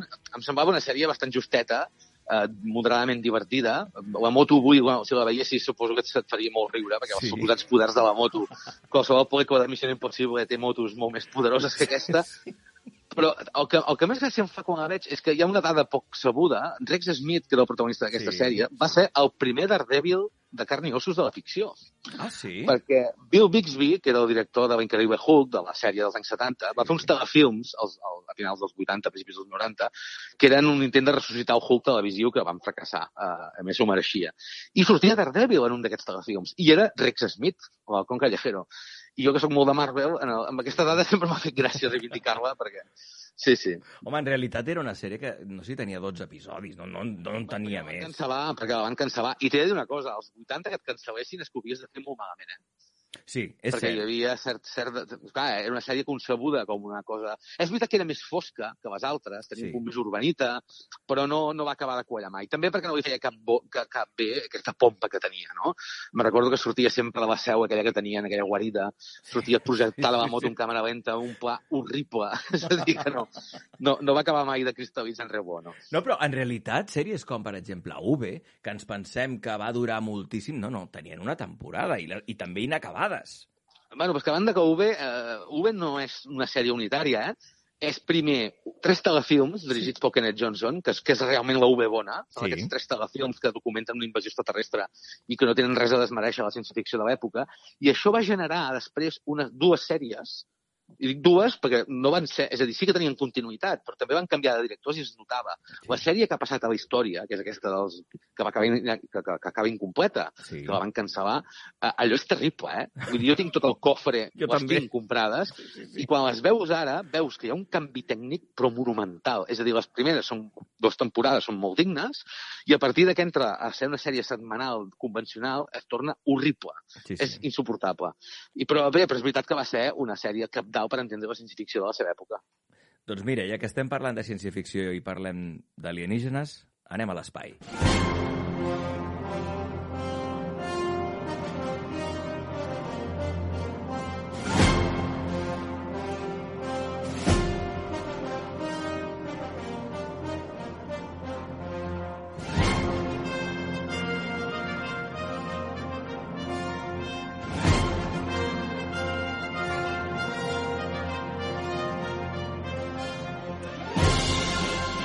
En aquesta també sortia el Dirk Benedict, eh? Sí, aquesta m'ho tocava fibra. I Ah, sortia eh? en Bonanza, en aquí, eh? Sí! Sortia en Bonanza, aquí. Això és Galàctica, Sí. que a més a més, de tenir, a part de tenir la millor banda sonora dintre de l'Stu Phillips, que aquest tio és el compositor del Cotxe Fantàstico, eh? Sí. Tot s'ha de dir. I l'Stu Phillips va fer aquesta banda sonora que em sembla extraordinària, perquè aconseguia agafar l'herència John Williams de Star Wars, diguéssim, i compartir-la amb una altra cosa. Llavors, aquesta sèrie és importantíssima, crec, i se la reivindica molt poc. Primera, que va ser un intent genuí de portar l'espace opera a la tele, eh, des de Star Trek que no es feia, totalment. crec que ho va fer molt bé, però sobretot la diferència amb Star Trek és que era molt més política, i que després això va generar la, la famosa Battlestar Galàctica, que és Sí. una grandíssima sèrie, i que també se la reivindica massa poc, és que a vegades hi ha molts prejudicis amb la ciència-ficció, i la veritat és que és el gènere segurament més polític que hi ha. I per mi aquesta primera galàctica és fantàstica. Jo sempre he trobat que se n'ha parlat massa poc. A Espanya vam tenir, vam tenir als cinemes, perquè es va agafar els dos primers episodis, es van estrenar a part, com si fossin una sí. pel·lícula. Es va fer una pel·li, I- de fet, sí, sí. Sí, sí, eren, de fet, eren els dos primers episodis que Sí. es van estrenar en cinema, que duraven 90 minuts en total, i crec que, vaja, massa sovint s'ha oblidat de l'imaginari televisiu modern, però és una sèrie fonamental. Lorne Green, el que tu deies del Lorne. Green, exacte, el Green, Lorne Green. Bonanza. I és que Sí, sí, també sí. Està, és que hi havia un, un repartiment també meravellós que funcionava. Una, una, una sèrie que per mi, com tu bé, bé deies, infravalorada, és a dir, poc, no sé, no se li ha fet justícia, penso, en aquesta Poc sèrie. esmentada, però en realitat tenia un nivell tècnic molt superior. De fet, ha passat més a la història la, la sèrie del Buck Rogers, de la que era molt fan, Sí. però tècnicament era molt, era molt superior a Galàctica que el Buck Rogers. És a dir, que, que, en fi, que espero que algun dia se la reivindiqui com es mereix. Bueno, tot passa perquè algun dia caigui en una plataforma i la gent la redescobreixi. Pep, ens en queden dues. A veure, aquesta que ve és per nota. Què?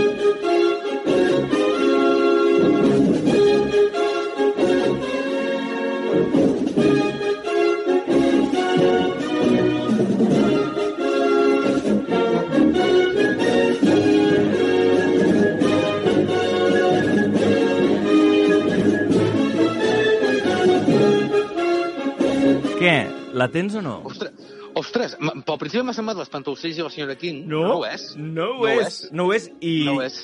Va, t'ho dic. Los cuentos del mono de oro.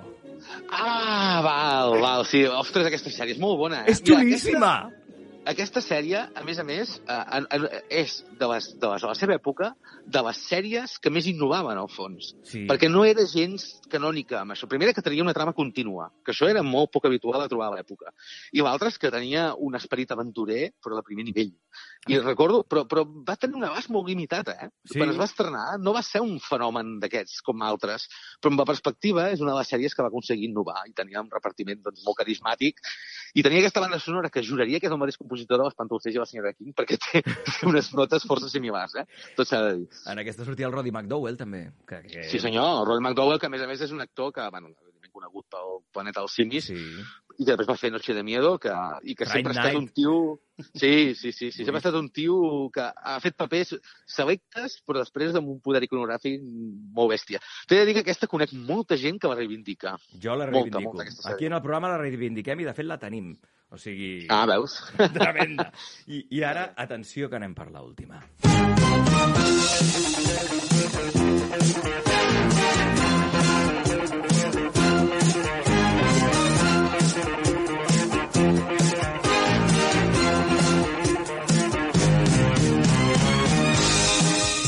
A veure, a veure què dius. Eh? Home, a veure, és la millor, eh, per mi. Ara, de totes les que hem parlat. ara, ara. Això és Magnum. Per mi és, mira, per mi és, uh, és una sèrie que ja era bona en el seu dia, però el temps va millorada. I m'explico. Uh, és veritat que l'estètica és la que és i encara ens sorprèn veure un senyor tan estupendo com el Tom Selleck en camises hawaianes sense Ah. despentinar-se, però s'ha de dir que tenia tot d'elements que la convertien en una rara avis. Per començar, perquè era una sèrie on les trames emocionals tenien més pes que les trames detectivesques, cosa raríssima en el gènere en aquell moment. Excepte cap filtrista de Hill Street, si vols, però ja era un altre tema. Veus? Allò ja era un altre tema. Però Magnum és, té, té, un, té uns valors humans, diguéssim, que, que la fan de fugir de qualsevol tòpic de, de la sèrie policíaca convencional. Llavors hi havia la relació entre Lloyd Higgins, que era aquesta mena de relació Holmes-Watson, és una cosa estranya, Sí, sí. que, que amb els gossos i tal, i sempre he, trobat, i aquell enigma d'en Robin Masters, és a dir, sempre, sempre va aconseguir tenir una identitat molt pròpia. I llavors l'altre tema que va tenir és que, si l'heu vist tota, sí. tota la trama amb què es resol la història que té a veure amb la seva filla, sempre he trobat que tenia un... Vaja, és, és emocionant. Vull dir, és, és que, clar, quan tu tenia... Als 80 hi havia una, una clau, i es tenia bons actors. Tom Selleck i, uh, i l'actor que feia de Higgins, de Higgins o John, John, Houseman... John eren- Hillerman. Ah, John Hillerman, perdó, sí. Doncs són, són actors de primer nivell. Uh, John Hillerman sortia a Chinatown de Roman Polanski, és a dir, és un tio... Uh, I realment crec que és la clau. Quan la veus encara ara, al·lucines de la, de, del carisma que desprèn, de la capacitat que té de- d'enganxar-te a les trames, no? I a banda que, escolta'm, la prova és que han fet un remake, que tampoc està tan malament el remake, eh? El que passa és que, clar, no és Magnum, es podria dir qualsevol altre nom, no? Ah, sí, però Magnum no. és que aquí som molt Però no, però no, exacte. El tema és que no. I a part que Tom Selleck és un tio que se l'ha de, se l'ha de, de reivindicar més. Totalment. A més, aquest, senyor hauria pogut ser Indi- Indiana Jones, eh? No Indiana oblidem. Jones. És que, a més, va dir que no perquè estava compromès amb Magnum. Amb Magnum, sí, sí, és aquelles decisions vitals que et canvien la vida. Totalment. Pep, sí, sí. si mirem enrere i encara amb tota una vida pel davant, amb què et quedes? Uf! a veure, amb què em quedo? Doncs, bueno, amb la paternitat, que és una cosa que Sí. vaig fer relativament jove i que és aquelles coses que no, no m'hi veia i un cop m'hi vaig ser vaig dir com he triat tant a ser-ho i em quedo, doncs, eh, vaja, jo eh, espero continuar escrivint molts anys a dedicar-me al que em dedico. Bàsicament, em conformo un poc, diguéssim. Ets feliç? Conformo un poc. Uh, soc, a veure, a una persona autoexigent preguntar-li si és feliç és trampa, perquè ho, so, ho soc, ho soc, majoritàriament, però també tinc un costat fosc basat en aquesta autocrítica, autoexigència permanent, que em fa gaudir menys de les coses del que segurament hauria de gaudir-les. Ara, com que la, la felicitat sempre he pensat que no és un estat final, és una recerca. Per tant, mentre la pugui continuar buscant, em conformo. Pep, abans d'acabar de saber que en aquest programa sempre li donem al nostre convidat l'oportunitat que he tingut jo com a entrevistador, la de preguntar. Per tant, te l'ofereixo. Hi ha alguna cosa que em vulguis preguntar tu a mi? Uh, va, sí, home, ja m'ho has posat fàcil amb l'última pregunta. Uh, ets més feliç a la ràdio o a la vida? Molt bona pregunta. Doncs et diria una cosa, és que quan la teva vida va lligada a la ràdio, a vegades és difícil separar. Però Ah. en aquests moments, i donat que tornem a arrencar després de molts anys, et diria que per ara mateix sóc molt feliç a la meva vida personal i m'agradaria ser-ho molt més a la ràdio. Bé, bueno, està bé, és una bona resposta. és equànim, és equànim. Oi que sí? Pep Sí, sí, Prieto, sí. moltes gràcies per haver-nos acompanyat i t'envio una A abraçada vosaltres. ben forta. Igualment, que vagi molt bé. Merci, Pep.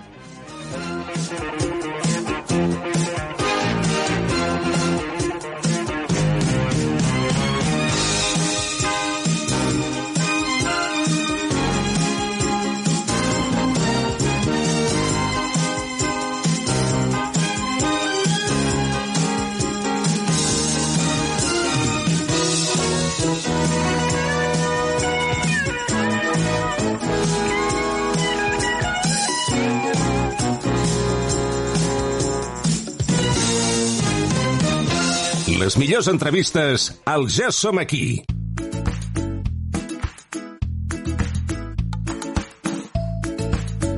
Anem a l'escola, amb l'Abril Pomares.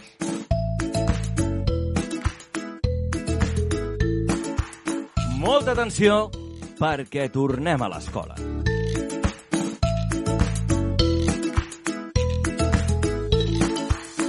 Molt recordem amb afecte en aquell professor qui ens va ajudar, qui ens va obrir camí. En el meu cas, menció especial pel meu apreciat Josep Conill.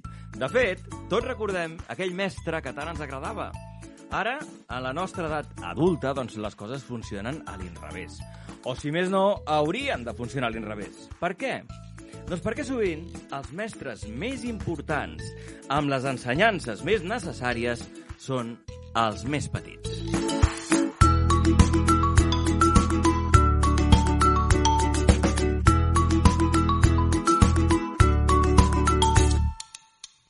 En aquest sentit, tenim a la millor mestra que hi ha. Ella ens ensenyarà de la millor manera. El Ja som aquí, estrenem secció amb l'Abril Pomares.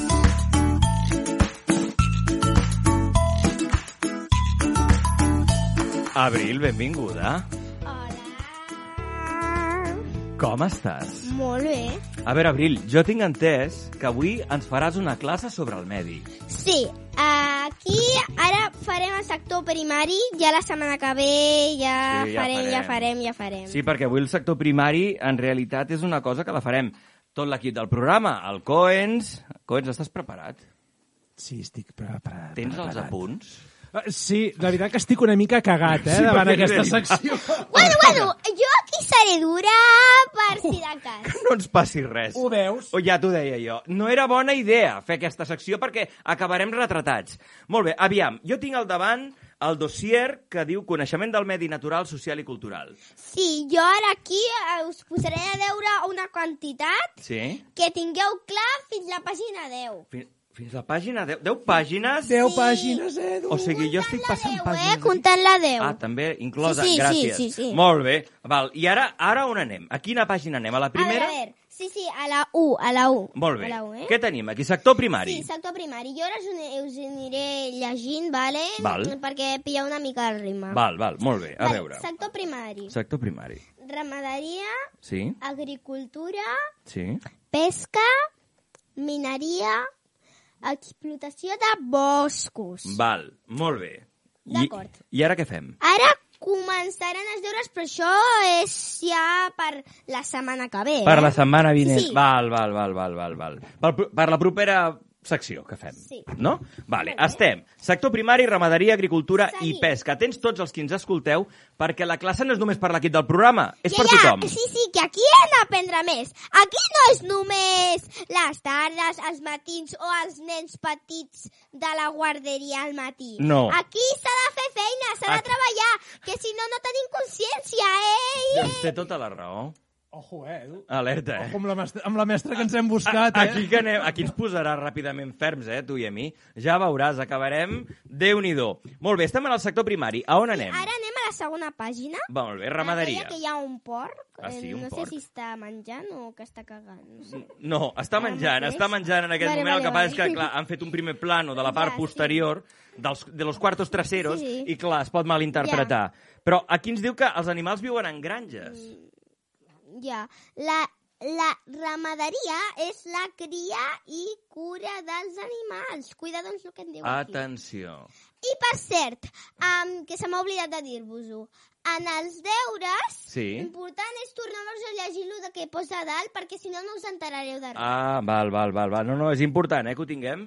Que ho tinguem. No, no, de fet, tots els... A veure, els que ens escolteu, tingueu present que ens han passat un dossier amb deures. I és una cosa que realment... Tingueu present que us enviarem una foto. Sí, sí, sí, s'ha de penjar a l'Instagram. Se penjarem a Instagram les 10 pàgines de deures eh, que tenim perquè vosaltres eh, també els pugueu fer. us eh? penseu que escoltar No, aquests es pa- programes de gratis, eh? Que ara aquí ens saltarem unes quantes pàgines. Ah, ara ja m'agrada. A la pàgina 4, d'acord? Perquè totes les altres són a deures. Sí, oh, gràcies. Tenim la gallina, els ous, la llana, l'ovella, la vaca, la llet, la carn, el porc... Molt bé, i anem a la pàgina 4 on trobem l'agricultura. Oh, i tant. A veure. Va, l'agricultura és l'activitat de Contrear Conrear. la terra per obtenir aliment. És a dir, que si vols carxofes, totes surten d'allà. O els calçots. Hombre, hombre, tampoc no ens passem, eh? Que aquí eh, no estem a una jardineria, No. no, estem, no. No. estem a un, en un... com una granja. Ah, molt bé. La Perfecte. dona que conrea la terra es diu pagesa. Molt bé. L'home que conrea la terra es diu pagès. Ah, molt bé, perfecte. La dona i l'home són els pagesos. Ho teniu clar? Correcte. Molt bé. Va, seguim. Per conrear la terra s'utilitzen eines i màquines. Joel, quina màquina, per exemple? Uh, no, no. dir, El, el que anava a dir jo és que o sigui, tu utilitzaries bàsicament màquines, perquè eines, o sigui, tu això de doblegar-te l'esquena A per no. eh, eh, No batre la terra, no... No m'hi eh, veig, no, no m'hi veig. I ara no estem veig. treballant al sector primari i llavors ho hem de fer tot amb les mans. Ah, val. Ah, Ho entens? Ja, ja ho hem arreglat. Vale. Gràcies pel consell. Correcte. Ara anirem a una tasca eh, de menjar, vale? o sigui, un Molt altre bé. cop de menjar. La pesca, atenció. Perfecte. Tenim la pesca. Pescador, Mhm. peixos.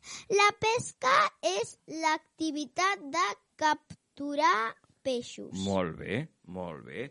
Hi hauria molta gent, doncs, que viuen justament doncs, d'això, de la pesca. Uns viuen de conrear el camp, altres de la Sí, sí, pesca. sí, ja, ja, ja, ja, ja. Després ja tindrem temps de fer preguntes. Ah, molt bé, molt bé, molt bé. Es pot pescar de diferents maneres. Sí. Amb, amb, amb. Molt bé. Eh, ja sé que és una mica confús, confós, Sí. perquè amb es pot pescar amb, amb, amb. O sigui, el amb, Seria l'am, el anzuelo. el, El anzuelo, eh? Un que accent molt, a molt de la manxa. punt... Eh, eh, que aquí mando jo, eh? Ei, ets. Es posa a les puntes de les canyes i on està el cebo, que es diu en castellà, Sí. em, el pinxito aquest, saps que és com un pinxito, que Sí. és així com en forma d'ancle, però Sí, no s'acaba de... Sí. Ja està. Vale, després la xarxa. Sí. Sabeu tots el que és una xarxa, eh? Perquè si no aquí podem fer preguntes. No, no, no. Tu, tu saps el que és una xarxa, tenim Joel? clar, ho tenim Ho Sí, tenim clar. clar? Vinga. Nansa. Ara sí que no sabeu el que és això, oi? No. Vale, una nansa és una espècie de gàbia, Sí, sí. d'acord? Que eh, hi ha com una... Hi ha dins hi ha el cebo, que s'anomena en castellà, Sí. eh, i hi ha unes punxes alrededor, o sigui, quan entra el peix, Mm. es queda clavat amb les punxes i pobret no pot sortir. Va, oi, vaja. La... Vale, ara anem a la pàgina 9, El cebo és eh? l'esquer. Anem a la pàgina 9, d'acord. La mineria. Això, Atenció, aquest perfecte. és un dels meus preferits. Mira, Molt bé. La mineria és el treball de treure minerals. Bueno, com veu pronunciar el seu nom. Pedres Pedres. de la terra per fabricar objectes, ferro, or, etc etc. Molt bé. o per cremar i fer combustible. És que aquí no, és que no escriuen bé les lletres aquí, eh? Tens tota I la una raó. professora pot llegir. T'ho he dit, que... Joel, que no ho piquessis tu. Ja, t'ho he dit. Vale, carbó, petroli, etc etc. Molt bé. I a mines a l'aire lliure Sí. i també sota terra. Perfecte. Quita. La mineria i... Sí, el miner i... És que, veus? Qui ha escrit aquesta lletra? Jo, jo, jo. El Joel. Ai, pues pots millorar una mica l'escriptura, eh? Que després tenim un dictat. Ja hauria de fer cal·ligrafia, ja ho sé, sempre m'ho han dit. Sempre et toca tu, eh? Sí. És que, és que t'ho he dit, no t'apliques. Ja, no, no. El miner i la minera treballa a les mines. Mhm. Porten cas i llanterna. Clar, porten cas i llanterna per l'interior, saps? Sí. Perquè si no, no s'hi veuria. Perfecte. Clar, clar. Hem revisat el medi, ara ens toca, d'acord, el dictat. Ara aquí és on patirem tots. Hem revisat la mineria, la ramaderia, l'agricultura, la pesca, tot plegat. I els deures. Els deures que ens han caigut per la setmana vinent, que déu nhi I ara, sí o sí, no podem evitar-ho tenir el dictat. Així que, paper i boli, Sí, d'acord, els de casa ara mateix han d'estar fent el dictat. No, no, que tothom. si no els hi caurà una bronca. Mm, vale. I diré a les seves professores que tinc el telèfon de totes les professores, perquè com jo a la millor professora he de tenir tots els, els telèfons, vale? D'acord, alertes qui esteu a casa, val? perquè l'abril va de debò. O sigui, mm, parlarà amb qui sigui per garantir que s'hagi fet aquest dictat. Així que tots, paper i bolígraf a la mà. Si esteu al cotxe, agafeu un... No, no agafeu res, al cotxe no agafeu No, no, res. el cotxe no, el cotxe el no, cotxe Guim, no. el cotxe no el s'agafa cotxe no s'agafa.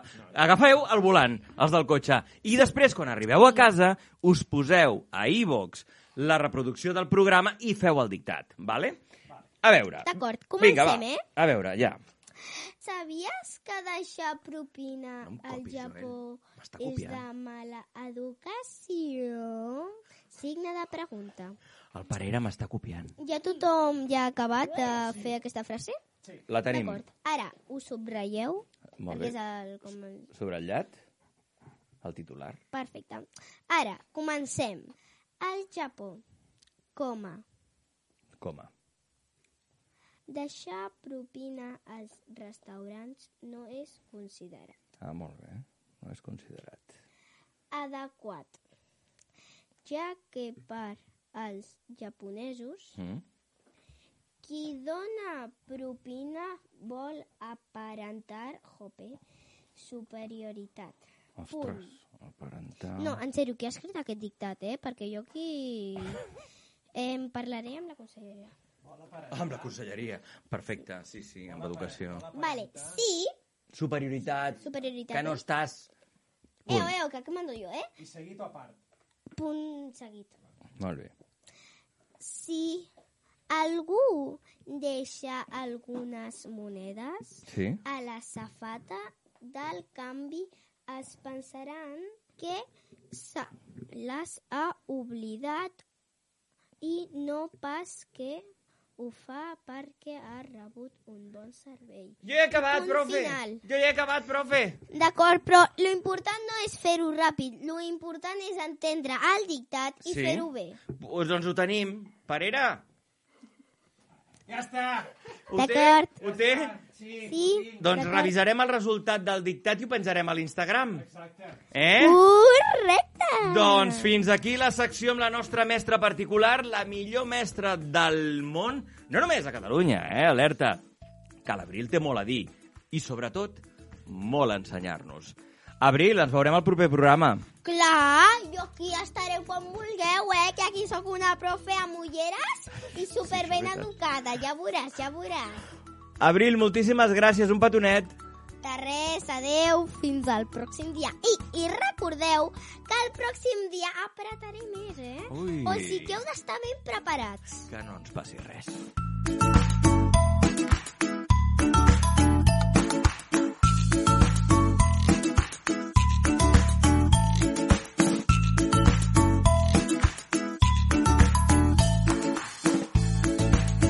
Eduard Buil, ja som aquí.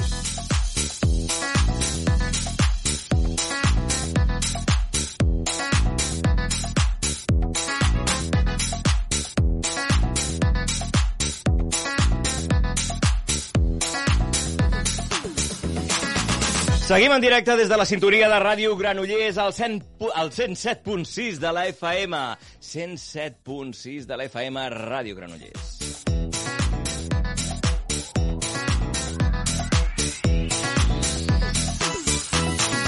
Agafeu el bitllet, seieu còmodes i prepareu-vos que seguim amb el nostre repàs per la història de la música electrònica.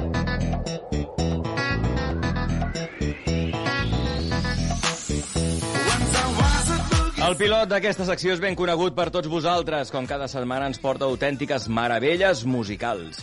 Ell no és altre que el cap tècnic del Ja Som Aquí i presentador del programa d'aquesta casa Viatge Electrònic, el Joel Parera.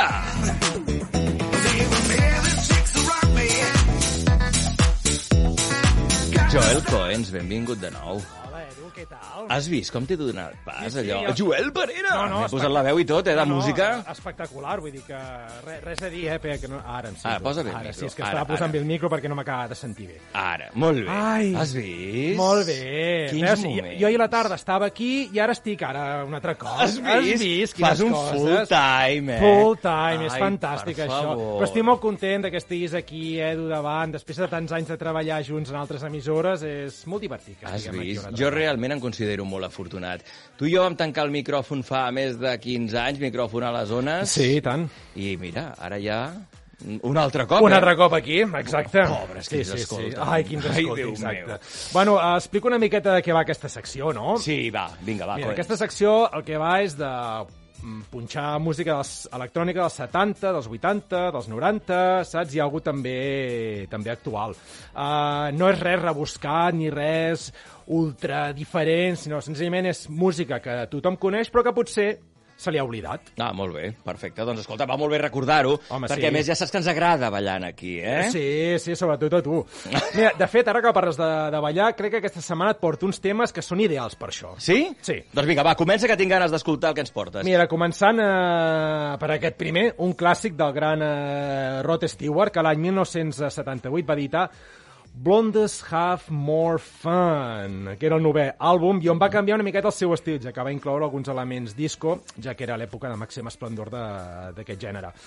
El tema escollit és el que, per mi, millor reflecteix aquest canvi, com és el Die I Think I'm Sexy. Yes, I am. Come on! Ei, ei, Ei! Ja comencem. Ja comencem. Us heu jo, jo, eh? jo És a sabia dir, que t'agradaria molt aquest tema per començar. És que eh? m'identifico molt amb ell, o sigui... Mira, ara, ara, ara, ara, ara. Mira, eh, la, la, la, la, la, la, la, la, la, la, la, la, la, la, la, la, la, la, la. Ho fem molt bé, no? Superbé. Acostumeu-vos, qui ens esteu escoltant, tots els oients de Ràdio Granollers, perquè en realitat els temes els escoltareu, però és, és una versió especial Sí. cantada en part per nosaltres. Exacte, perquè nosaltres hi cantem a sobre tot sovint. Tot sovint, o sigui, si Sí. voleu enregistrar-ho, doncs no. Si li O voleu donar el rec a El la, rec? a la platina, doncs va No. ser que no, eh? Er, va ser el que no. rewind, El tot el rewind, exacte.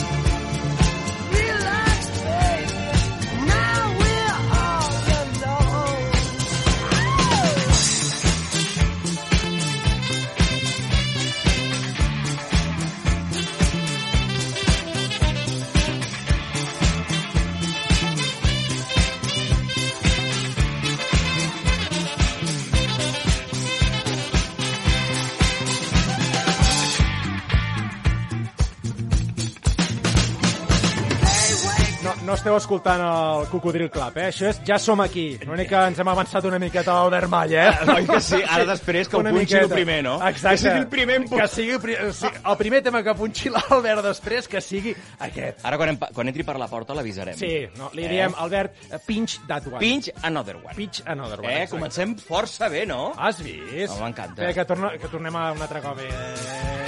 Ei! Fem allò d'anar i venir, va. Ah, eh! Ei!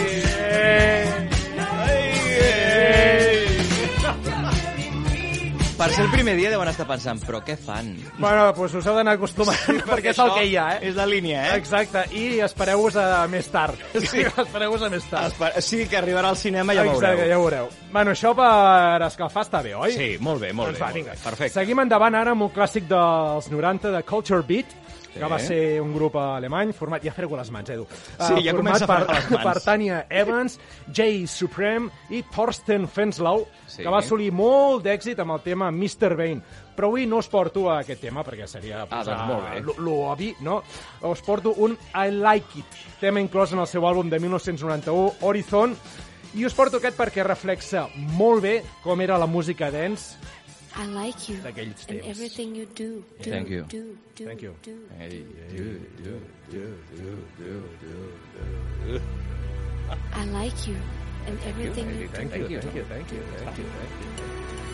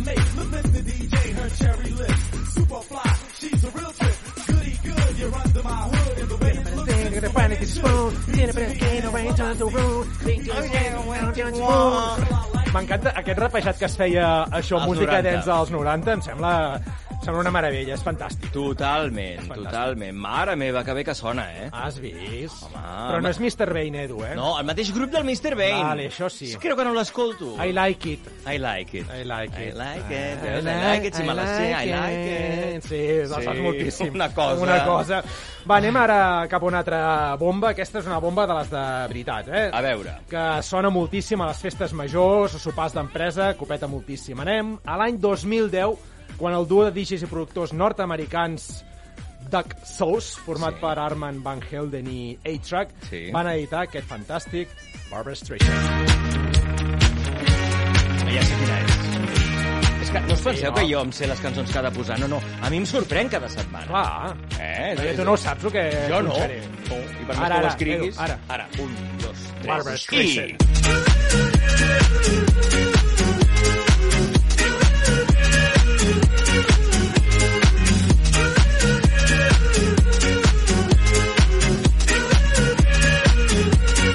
Barbara Streisand.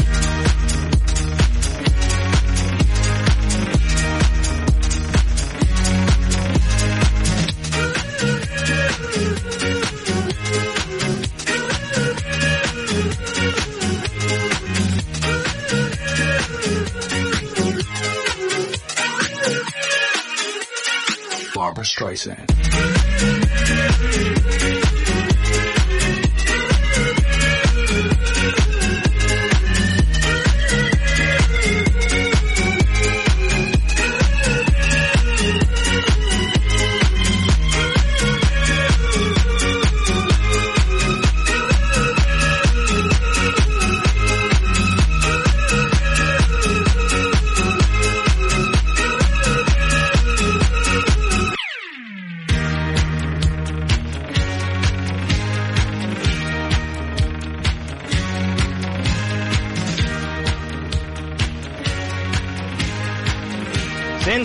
107.6 de la FM. Esteu escoltant el Ja som aquí a Ràdio Granollers. Ai, com t'agrada. Eh? Ara que ho diem així, no, queda molt maco. No? Queda molt maco, sí, sí. sí, sí, sí. Escolta'm, el que estàs ballant avui, eh, demano que el que vagis a fer les 70 piscines que fas eh, diàries. cent. Bueno, Ojo, pues eh? cent. Cent, que així estic. Cent. Així estic, de fet, vols. Exacte. Però bueno, el que sí és veritat que podrem anar a berenar tranquils quan acabem d'aquí, eh? Ui, tant, berenar, sopar... Sopar, sí, bueno, ja està, que jo després a les 12 tinc també... Ah, tens bolo? Tinc bolo avui, vull dir que... Ah, sí? Sí, el Balbó de Sabadell, ja ho vaig dir. Ah, és veritat. Sí, sí, sí. Ho vas dir ahir? Ah, Digue-ho, que t'escoltin. Sí. Pues res, que vaig a punxar com a doixa el Balbó de Sabadell. Atenció, Atenció DJ eh? Cohen. DJ Ja, ja t'he fotut Ja en m'has l'aire fotut en l'aire tot el nom promo, artístic, oi? No, doixa, doixa. Doixa, doixa, no, DJ Cohen no li agrada. Edu, falta, falta un tema encara. A veure. Va. Un tema per house music. Sí. M'agrada dir això. Que el DJ i productor brasileño Sugar Hill, alter ego de Raone Franco, va editar el 2020 de nom For For Me, no, de nom For Me, ja està, no For Sí. For Me. Bueno. For, for, ah, no, sí, For For Me. Ara, molt bé, també, que és, eh? Que és espectacular. Doncs pues va, va, for for you. For For Me, va, és, és igual, és for, no, For Me, ara, ho he dit bé. És aquesta cançó. És aquesta cançó. Aquesta és allò. Però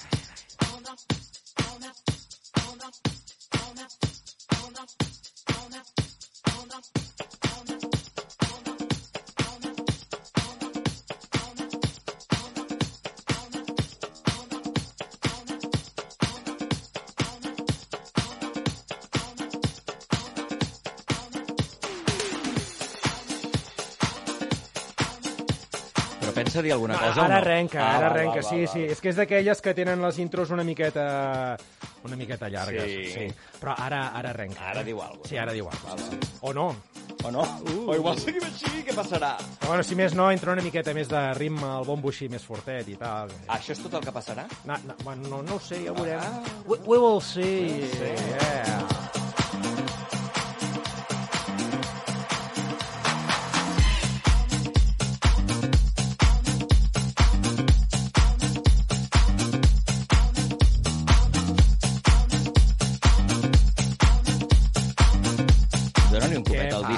Enganxat.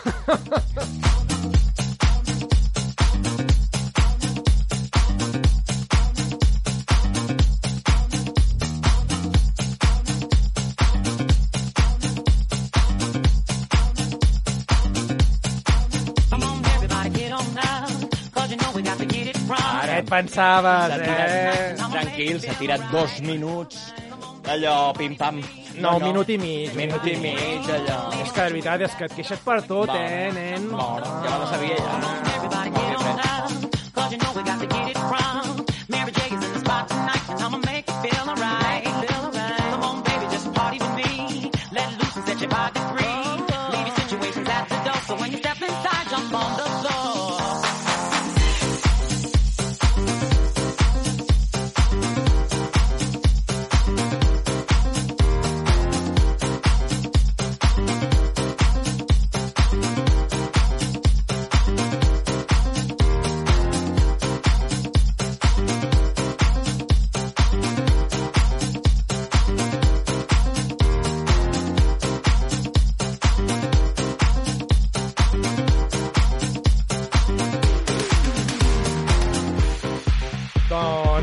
És el que hi ha. Doncs ens ha agradat moltíssim i la Doncs setmana que que ve... En tindrem més, no? Què toca la setmana Home, que ve? tant. Va, avança'ns una. No. No? No. No, perquè no les tens, oi? Sorpresa. Ai! Ai, punyetero. Coens, ens veiem d'aquí a no res. Vinga, fins ara, Quitín.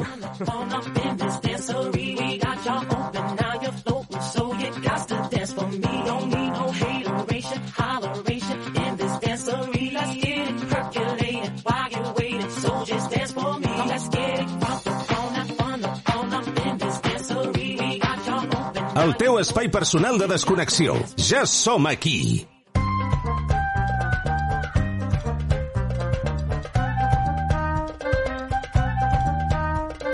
I seguim en directe des de Ràdio Granollers amb Gana. I és que no us ho penseu, per fer un programa de 3 a 5 de la tarda sovint no dines, o si dines, dines a les 12, clar. Arriben a aquesta hora i ja tens gana.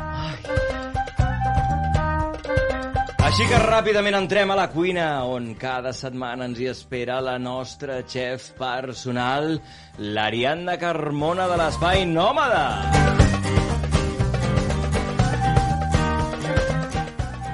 Ariadna, benvinguda. Bona tarda. Què tal, com estàs? Bé, molt bé. Molt Estem bé. una mica calorats, no? És que fa calor. Aquí ja ens hem tret el jersei, ens hem descordat la camisa, hem parat la calefacció, perquè és el que té. A l'hivern només pots posar calefacció, a l'estiu pots posar l'aire condicionat. Així que la setmana que ve, samarreta curta i pantalonet curt. Ja m'agradaria, Edu, ja Oi m'agradaria. que sí, doncs després surt al carrer.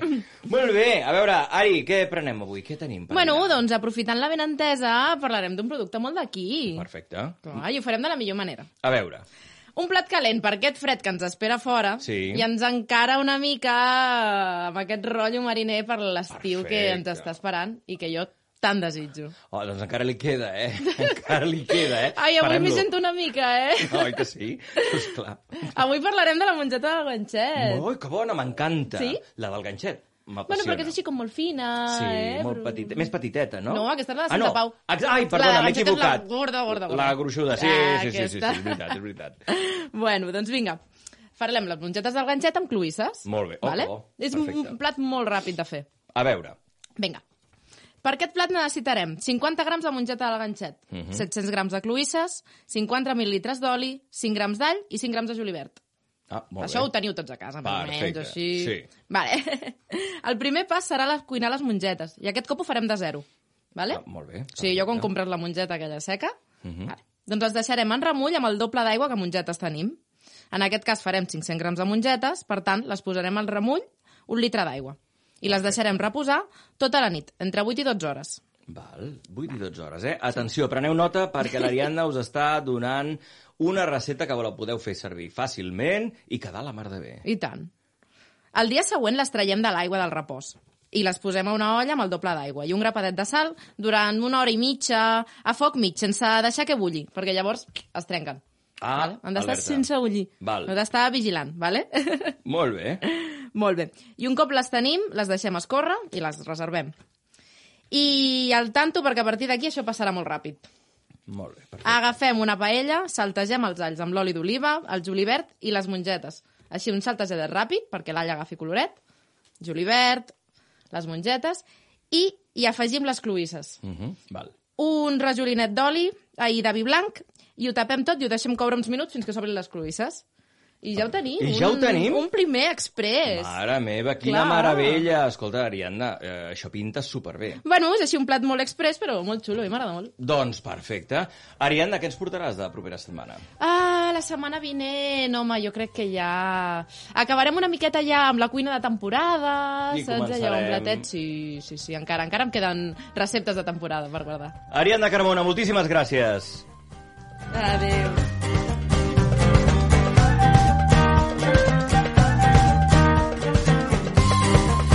Recordeu el telèfon del directe del programa 93 860 07 50 93 860 07 50 o 51. Si voleu participar en el Ja som aquí, teniu obertes les línies telefòniques. I si no, el que us direm ara.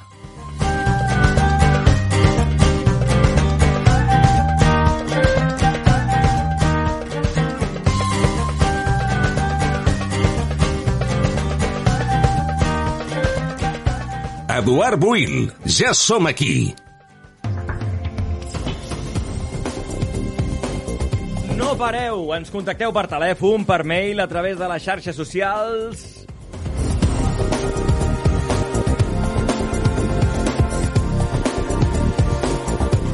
La central de dades treu fum. Benvinguda de nou, Marta. Hola, Edu. Què diuen els oients? Doncs mira, aquesta setmana hem rebut un correu electrònic a jasomaquiradio.gmail.com de la Gemma de les Franqueses del Vallès, que ens diu que ha seguit durant tot el mes de febrer les meditacions de la comunitat Entre Almes i que ha descobert tot un món que li han anat molt bé i que la idea que van tenir la Cristina i el Marc en el darrer programa de fer alguna meditació en directe, doncs que li sembla genial. Estem molt contents, Gemma, que a través del Ja som aquí hagis pogut conèixer la comunitat Entre Almes i que t'estigui anant tan bé. Gràcies, Gemma. Què més tenim, Marta? Doncs com no pot ser d'una altra manera, Edu, ara és el torn dels We Are Here Awards.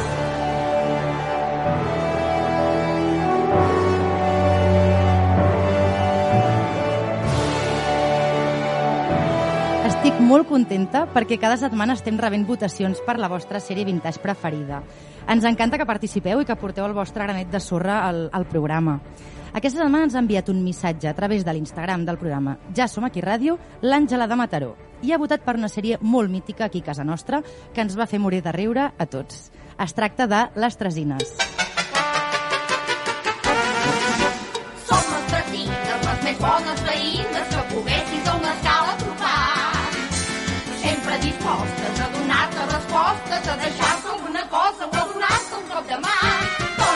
És que ningú ha dit que la sèrie vintage per la qual voteu als We Are Here Awards hagi de ser americana. Pot ser d'aquí, també.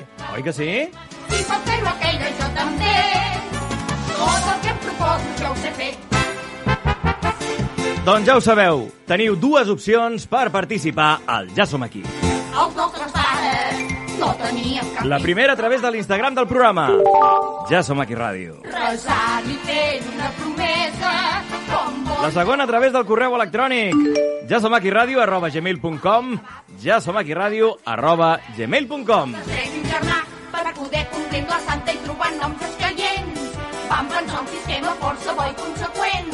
Totes Parleu amb nosaltres, us estem esperant. Marta, fins la propera setmana, gràcies. Gràcies. Teresa del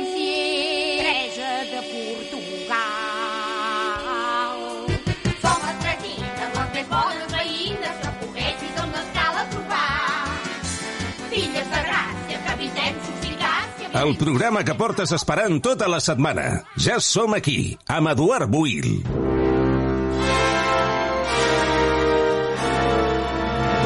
Enfilem la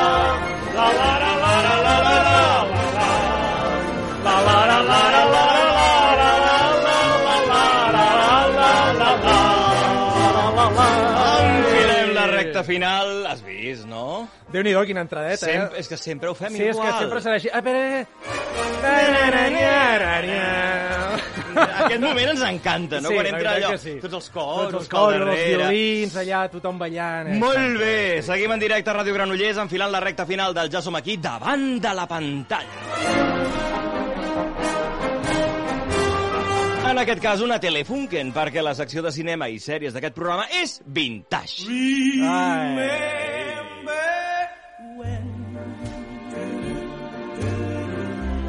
I first met you. I know. My lips were so afraid Va, va, ara, ara, ara. to say I love you. Thank you. Ara veurem les millors sèries i pel·lícules que van tenir el seu dia d'estrena fa un munt d'anys. A més, pareu atenció, també us tenim preparat un programa de televisió llegendari que segur que us porta bons records. En realitat posem aquesta música per cantar. O sigui, Exacte. que ningú es pensi allò... No, No, no, que quedi clar que moltes de les músiques que posem les posem per cantar per nosaltres. cantar, ja està. És a dir, la cosa hauria d'anar en aquesta línia, molt bé. Abans de res, alerta, perquè com dèiem, aquesta secció porta inclosos els premis més prestigiosos del cinema vintage actual. M'agrada la ironia de la frase. Premis vintage actual. Sí, diu molt de la nostra manera de fer. La podríem patentar i tot, no? Pues sí. Eh? Parlem dels We're Here Awards. Ei, ei. Home, no.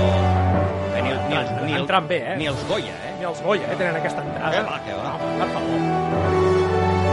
Vinga, agafa cavall, eh? Vinga, va, vinga.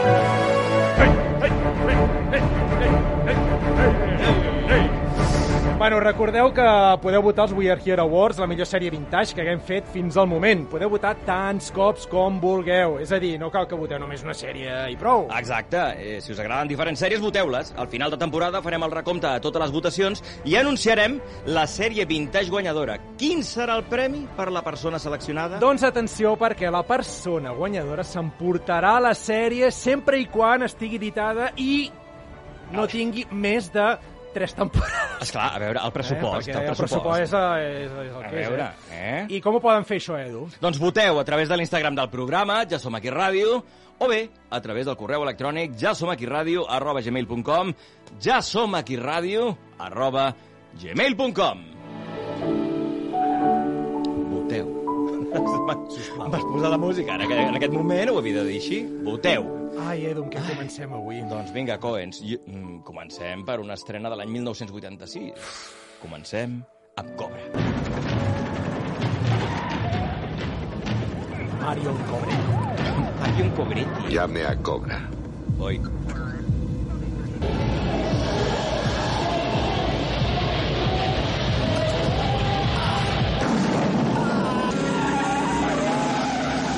Això és quan arriba ell. Sí. sí, sí, sí.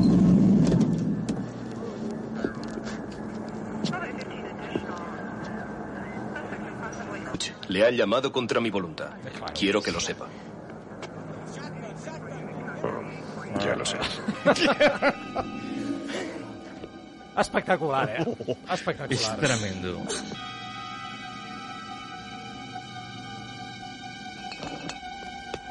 Més, aquí, aquí ja comença, la cosa s'anima, eh?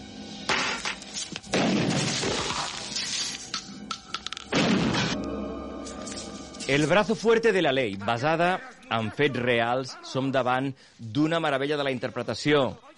Una pel·li de text. Total, sigui, unes interpretacions, un text, una cosa... Escolta, escolta, mira, mira. Ah, sí. Oh, una cosa, a thing, de veritat. Oye, tío, tengo una bomba. Pel·li protagonitzada per Sylvester Stallone, Brigitte Nielsen, Renny Santoni, Brian Thompson, el gran Andrew Robinson, alerta que aquest era un tros d'actor que apareixia a Twin Peaks. A veure, en el seu dia va rebre crítiques negatives pel seu excés de violència, no sé per què. No sé per què. O sigui, allò...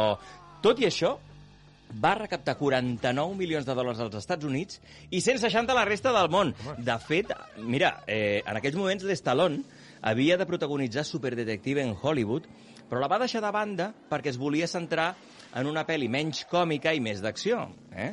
De què anava aquesta, Coens? Doncs, home, no era una comèdia romàntica, precisament. La història comença amb un membre d'una organització anomenada, anomenada Nou Ordre, un grup supremacista de radicals socials darwinistes que menyspreen la societat moderna i creuen que han de matar els febles. Tot això m'ho sé de memòria, eh? Sí, sí, ja ho veig. que agafa hostatges a un supermercat de Los Angeles. Els policies no poden fer res fins que truquen a Ei. Marion Cobretti, alias Cobra, que és el Sylvester Stallone. El Cobra entra al súper i deixa anar perles, com les que hem pogut escoltar en el tràiler, abans de donar-li el passaport a l'assassí. De fet, a la pel·li fan molta broma amb el nom de protagonista, que per cert és Marion. Marion, sí, és veritat. A més, el- l'amic del, del Cobra a la pel·li sempre li fa broma amb això. Però bé, i què més passa? Doncs bé, resumint, que el Cobra acabarà amb l'organització i els seus assassins, trets, crits, passió, perquè Bé. recordem que l'actriu protagonista la seva, era la seva dona en aquells anys, la Brigitte Nielsen. Sí, en aquell moment, abans parlàvem de superdetectiu en Hollywood, no? Sí. L'Eddie Murphy i l'Stallone eren superamics, fins Ah, que... sí? sí? Molt, fins que el simpàtic superdetectiu a Hollywood va investigar molt de prop a la dona del Sylvester Stallone, la Brigitte Nielsen. Ai. Des d'aleshores no hi ha felicitació de Nadal? Quines coses, eh? Oi, sí, de veritat. De veritat. Bé, atenció perquè la sèrie vintage d'avui també és de traca.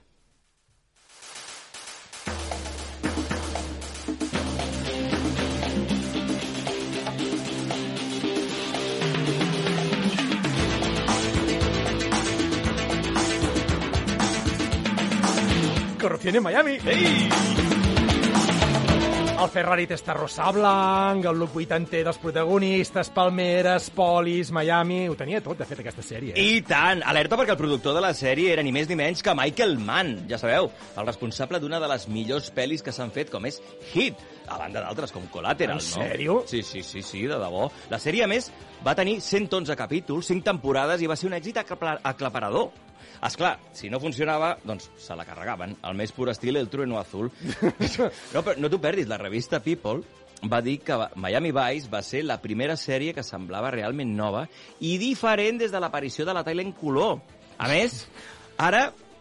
A veure, el que diré ara igual sona una mica vintage, realment. Bueno, no? aviam, és de, de què va la sèrie, no? Eh, Sí, realment. Mira, mm, Ai, la avui sèrie, dia, l'espai, vull dir. L'espai. Sí. Avui dia tot es pot escoltar en Dolby Surround, no sé quines històries. Però Miami Vice va ser una de les primeres sèries que es van emetre en estèreo. El loro, eh? En estèreo! En estèreo! Coens, de què anava, va? Doncs la història gira entorn a dos policies de Miami, en Sonny Crockett i el Ricardo Rico Taps, qui lluiten pel compliment de la llei. a Miami i ja està. Ja tan fàcil com això. A veure, és que hi havia l'episodi de la setmana i com de costum, la subtrama que s'allargava tota la temporada, això sí, aviam, els protes mereixen una menció especial, eh? Don Johnson i Philip Michael Thomas. Per cert, quin vestuari, eh? Oh, ja ho pots ben dir, eh? Samarreta sota una jaqueta Armani. Ah, això ho va inventar la sèrie. Sí, sí. I diuen que va ser una de les sèries que més influència en la moda van tenir. Toma ja.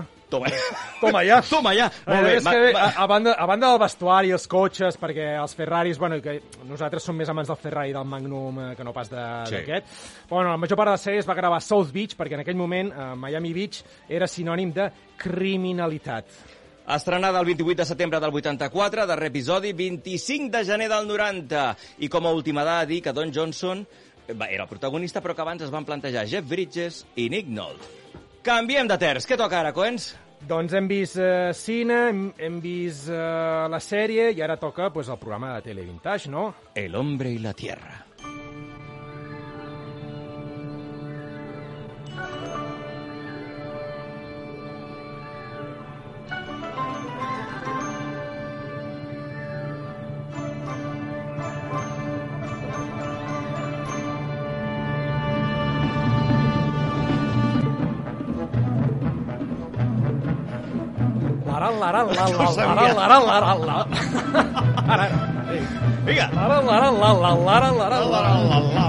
Vinga, va. Quins moments, el lobo, eh? El Lobo. El lobo. 14 de març del 74, Félix Rodríguez de la Fuente es va guanyar els cors de la major part de nens amb aquest programa, un espai centrat en la natura, la vida animal... A més, la sèrie tenia tres grans blocs. La sèrie venezolana, rodada, rodada a Venezuela. La sèrie Fauna Ibèrica, rodada a Luxemburg. Sí, a Luxemburg, sobretot. Ai, ara, era per veure si estaves atent. La sèrie Fauna Ibèrica, filmada a Espanya. I la darrera? La sèrie canadenca feta a Canadà i Alaska. 124 episodis en total que es van allargar fins al 20 de juny del 81, dates en les quals doncs, el programa es va haver d'aturar per l'accident aeri que va patir el Félix Rodríguez de la Fuente i els càmeres que viatjaven amb ell. Però què va passar aquí? A veure, la versió oficial és que es van desprendre un dels hidropatins de l'avioneta, es va desestabilitzar i, malauradament, tots van morir l'acte. El fet és que, tot s'ha de dir, va commocionar tota Espanya, els nens cantant a l'Amigo a Fèlix, tot plegat. Quins moments més espectaculars ens va deixar aquella sèrie. Doncs sí, la veritat eh, que sí. Com moments espectaculars eh, que hem deixat en el programa d'avui, eh? Que bé que ho has lligat, això, Has eh? vist? Coens, gràcies! A tu, Edu! Espera, espera, espera, que tinc un missatge per tu. Ah, quin? Edu, marxem? Ei, alerta, que si l'Abril ho diu, nosaltres marxem.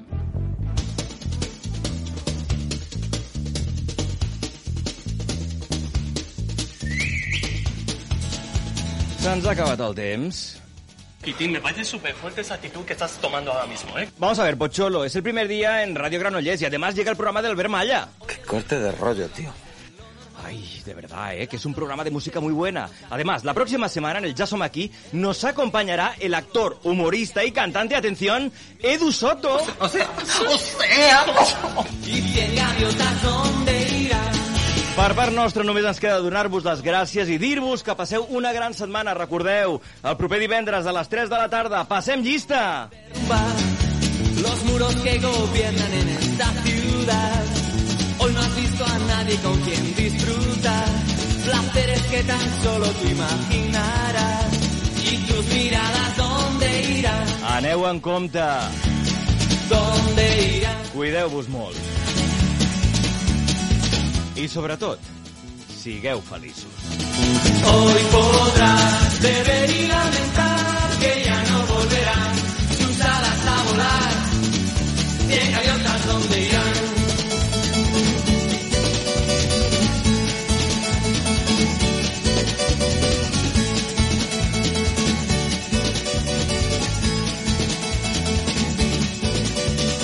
Hoy el día ya no es como los demás. El ron y la cerveza harán que acabes mal. Nena, ven conmigo, déjate llevar. Hoy te enseñaré dónde termina el mar. Y cien gaviotas, ¿dónde irán? ¿Dónde irán?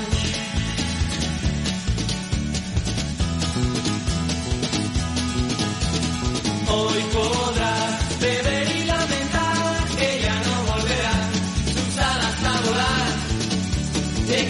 donde hoy podrás.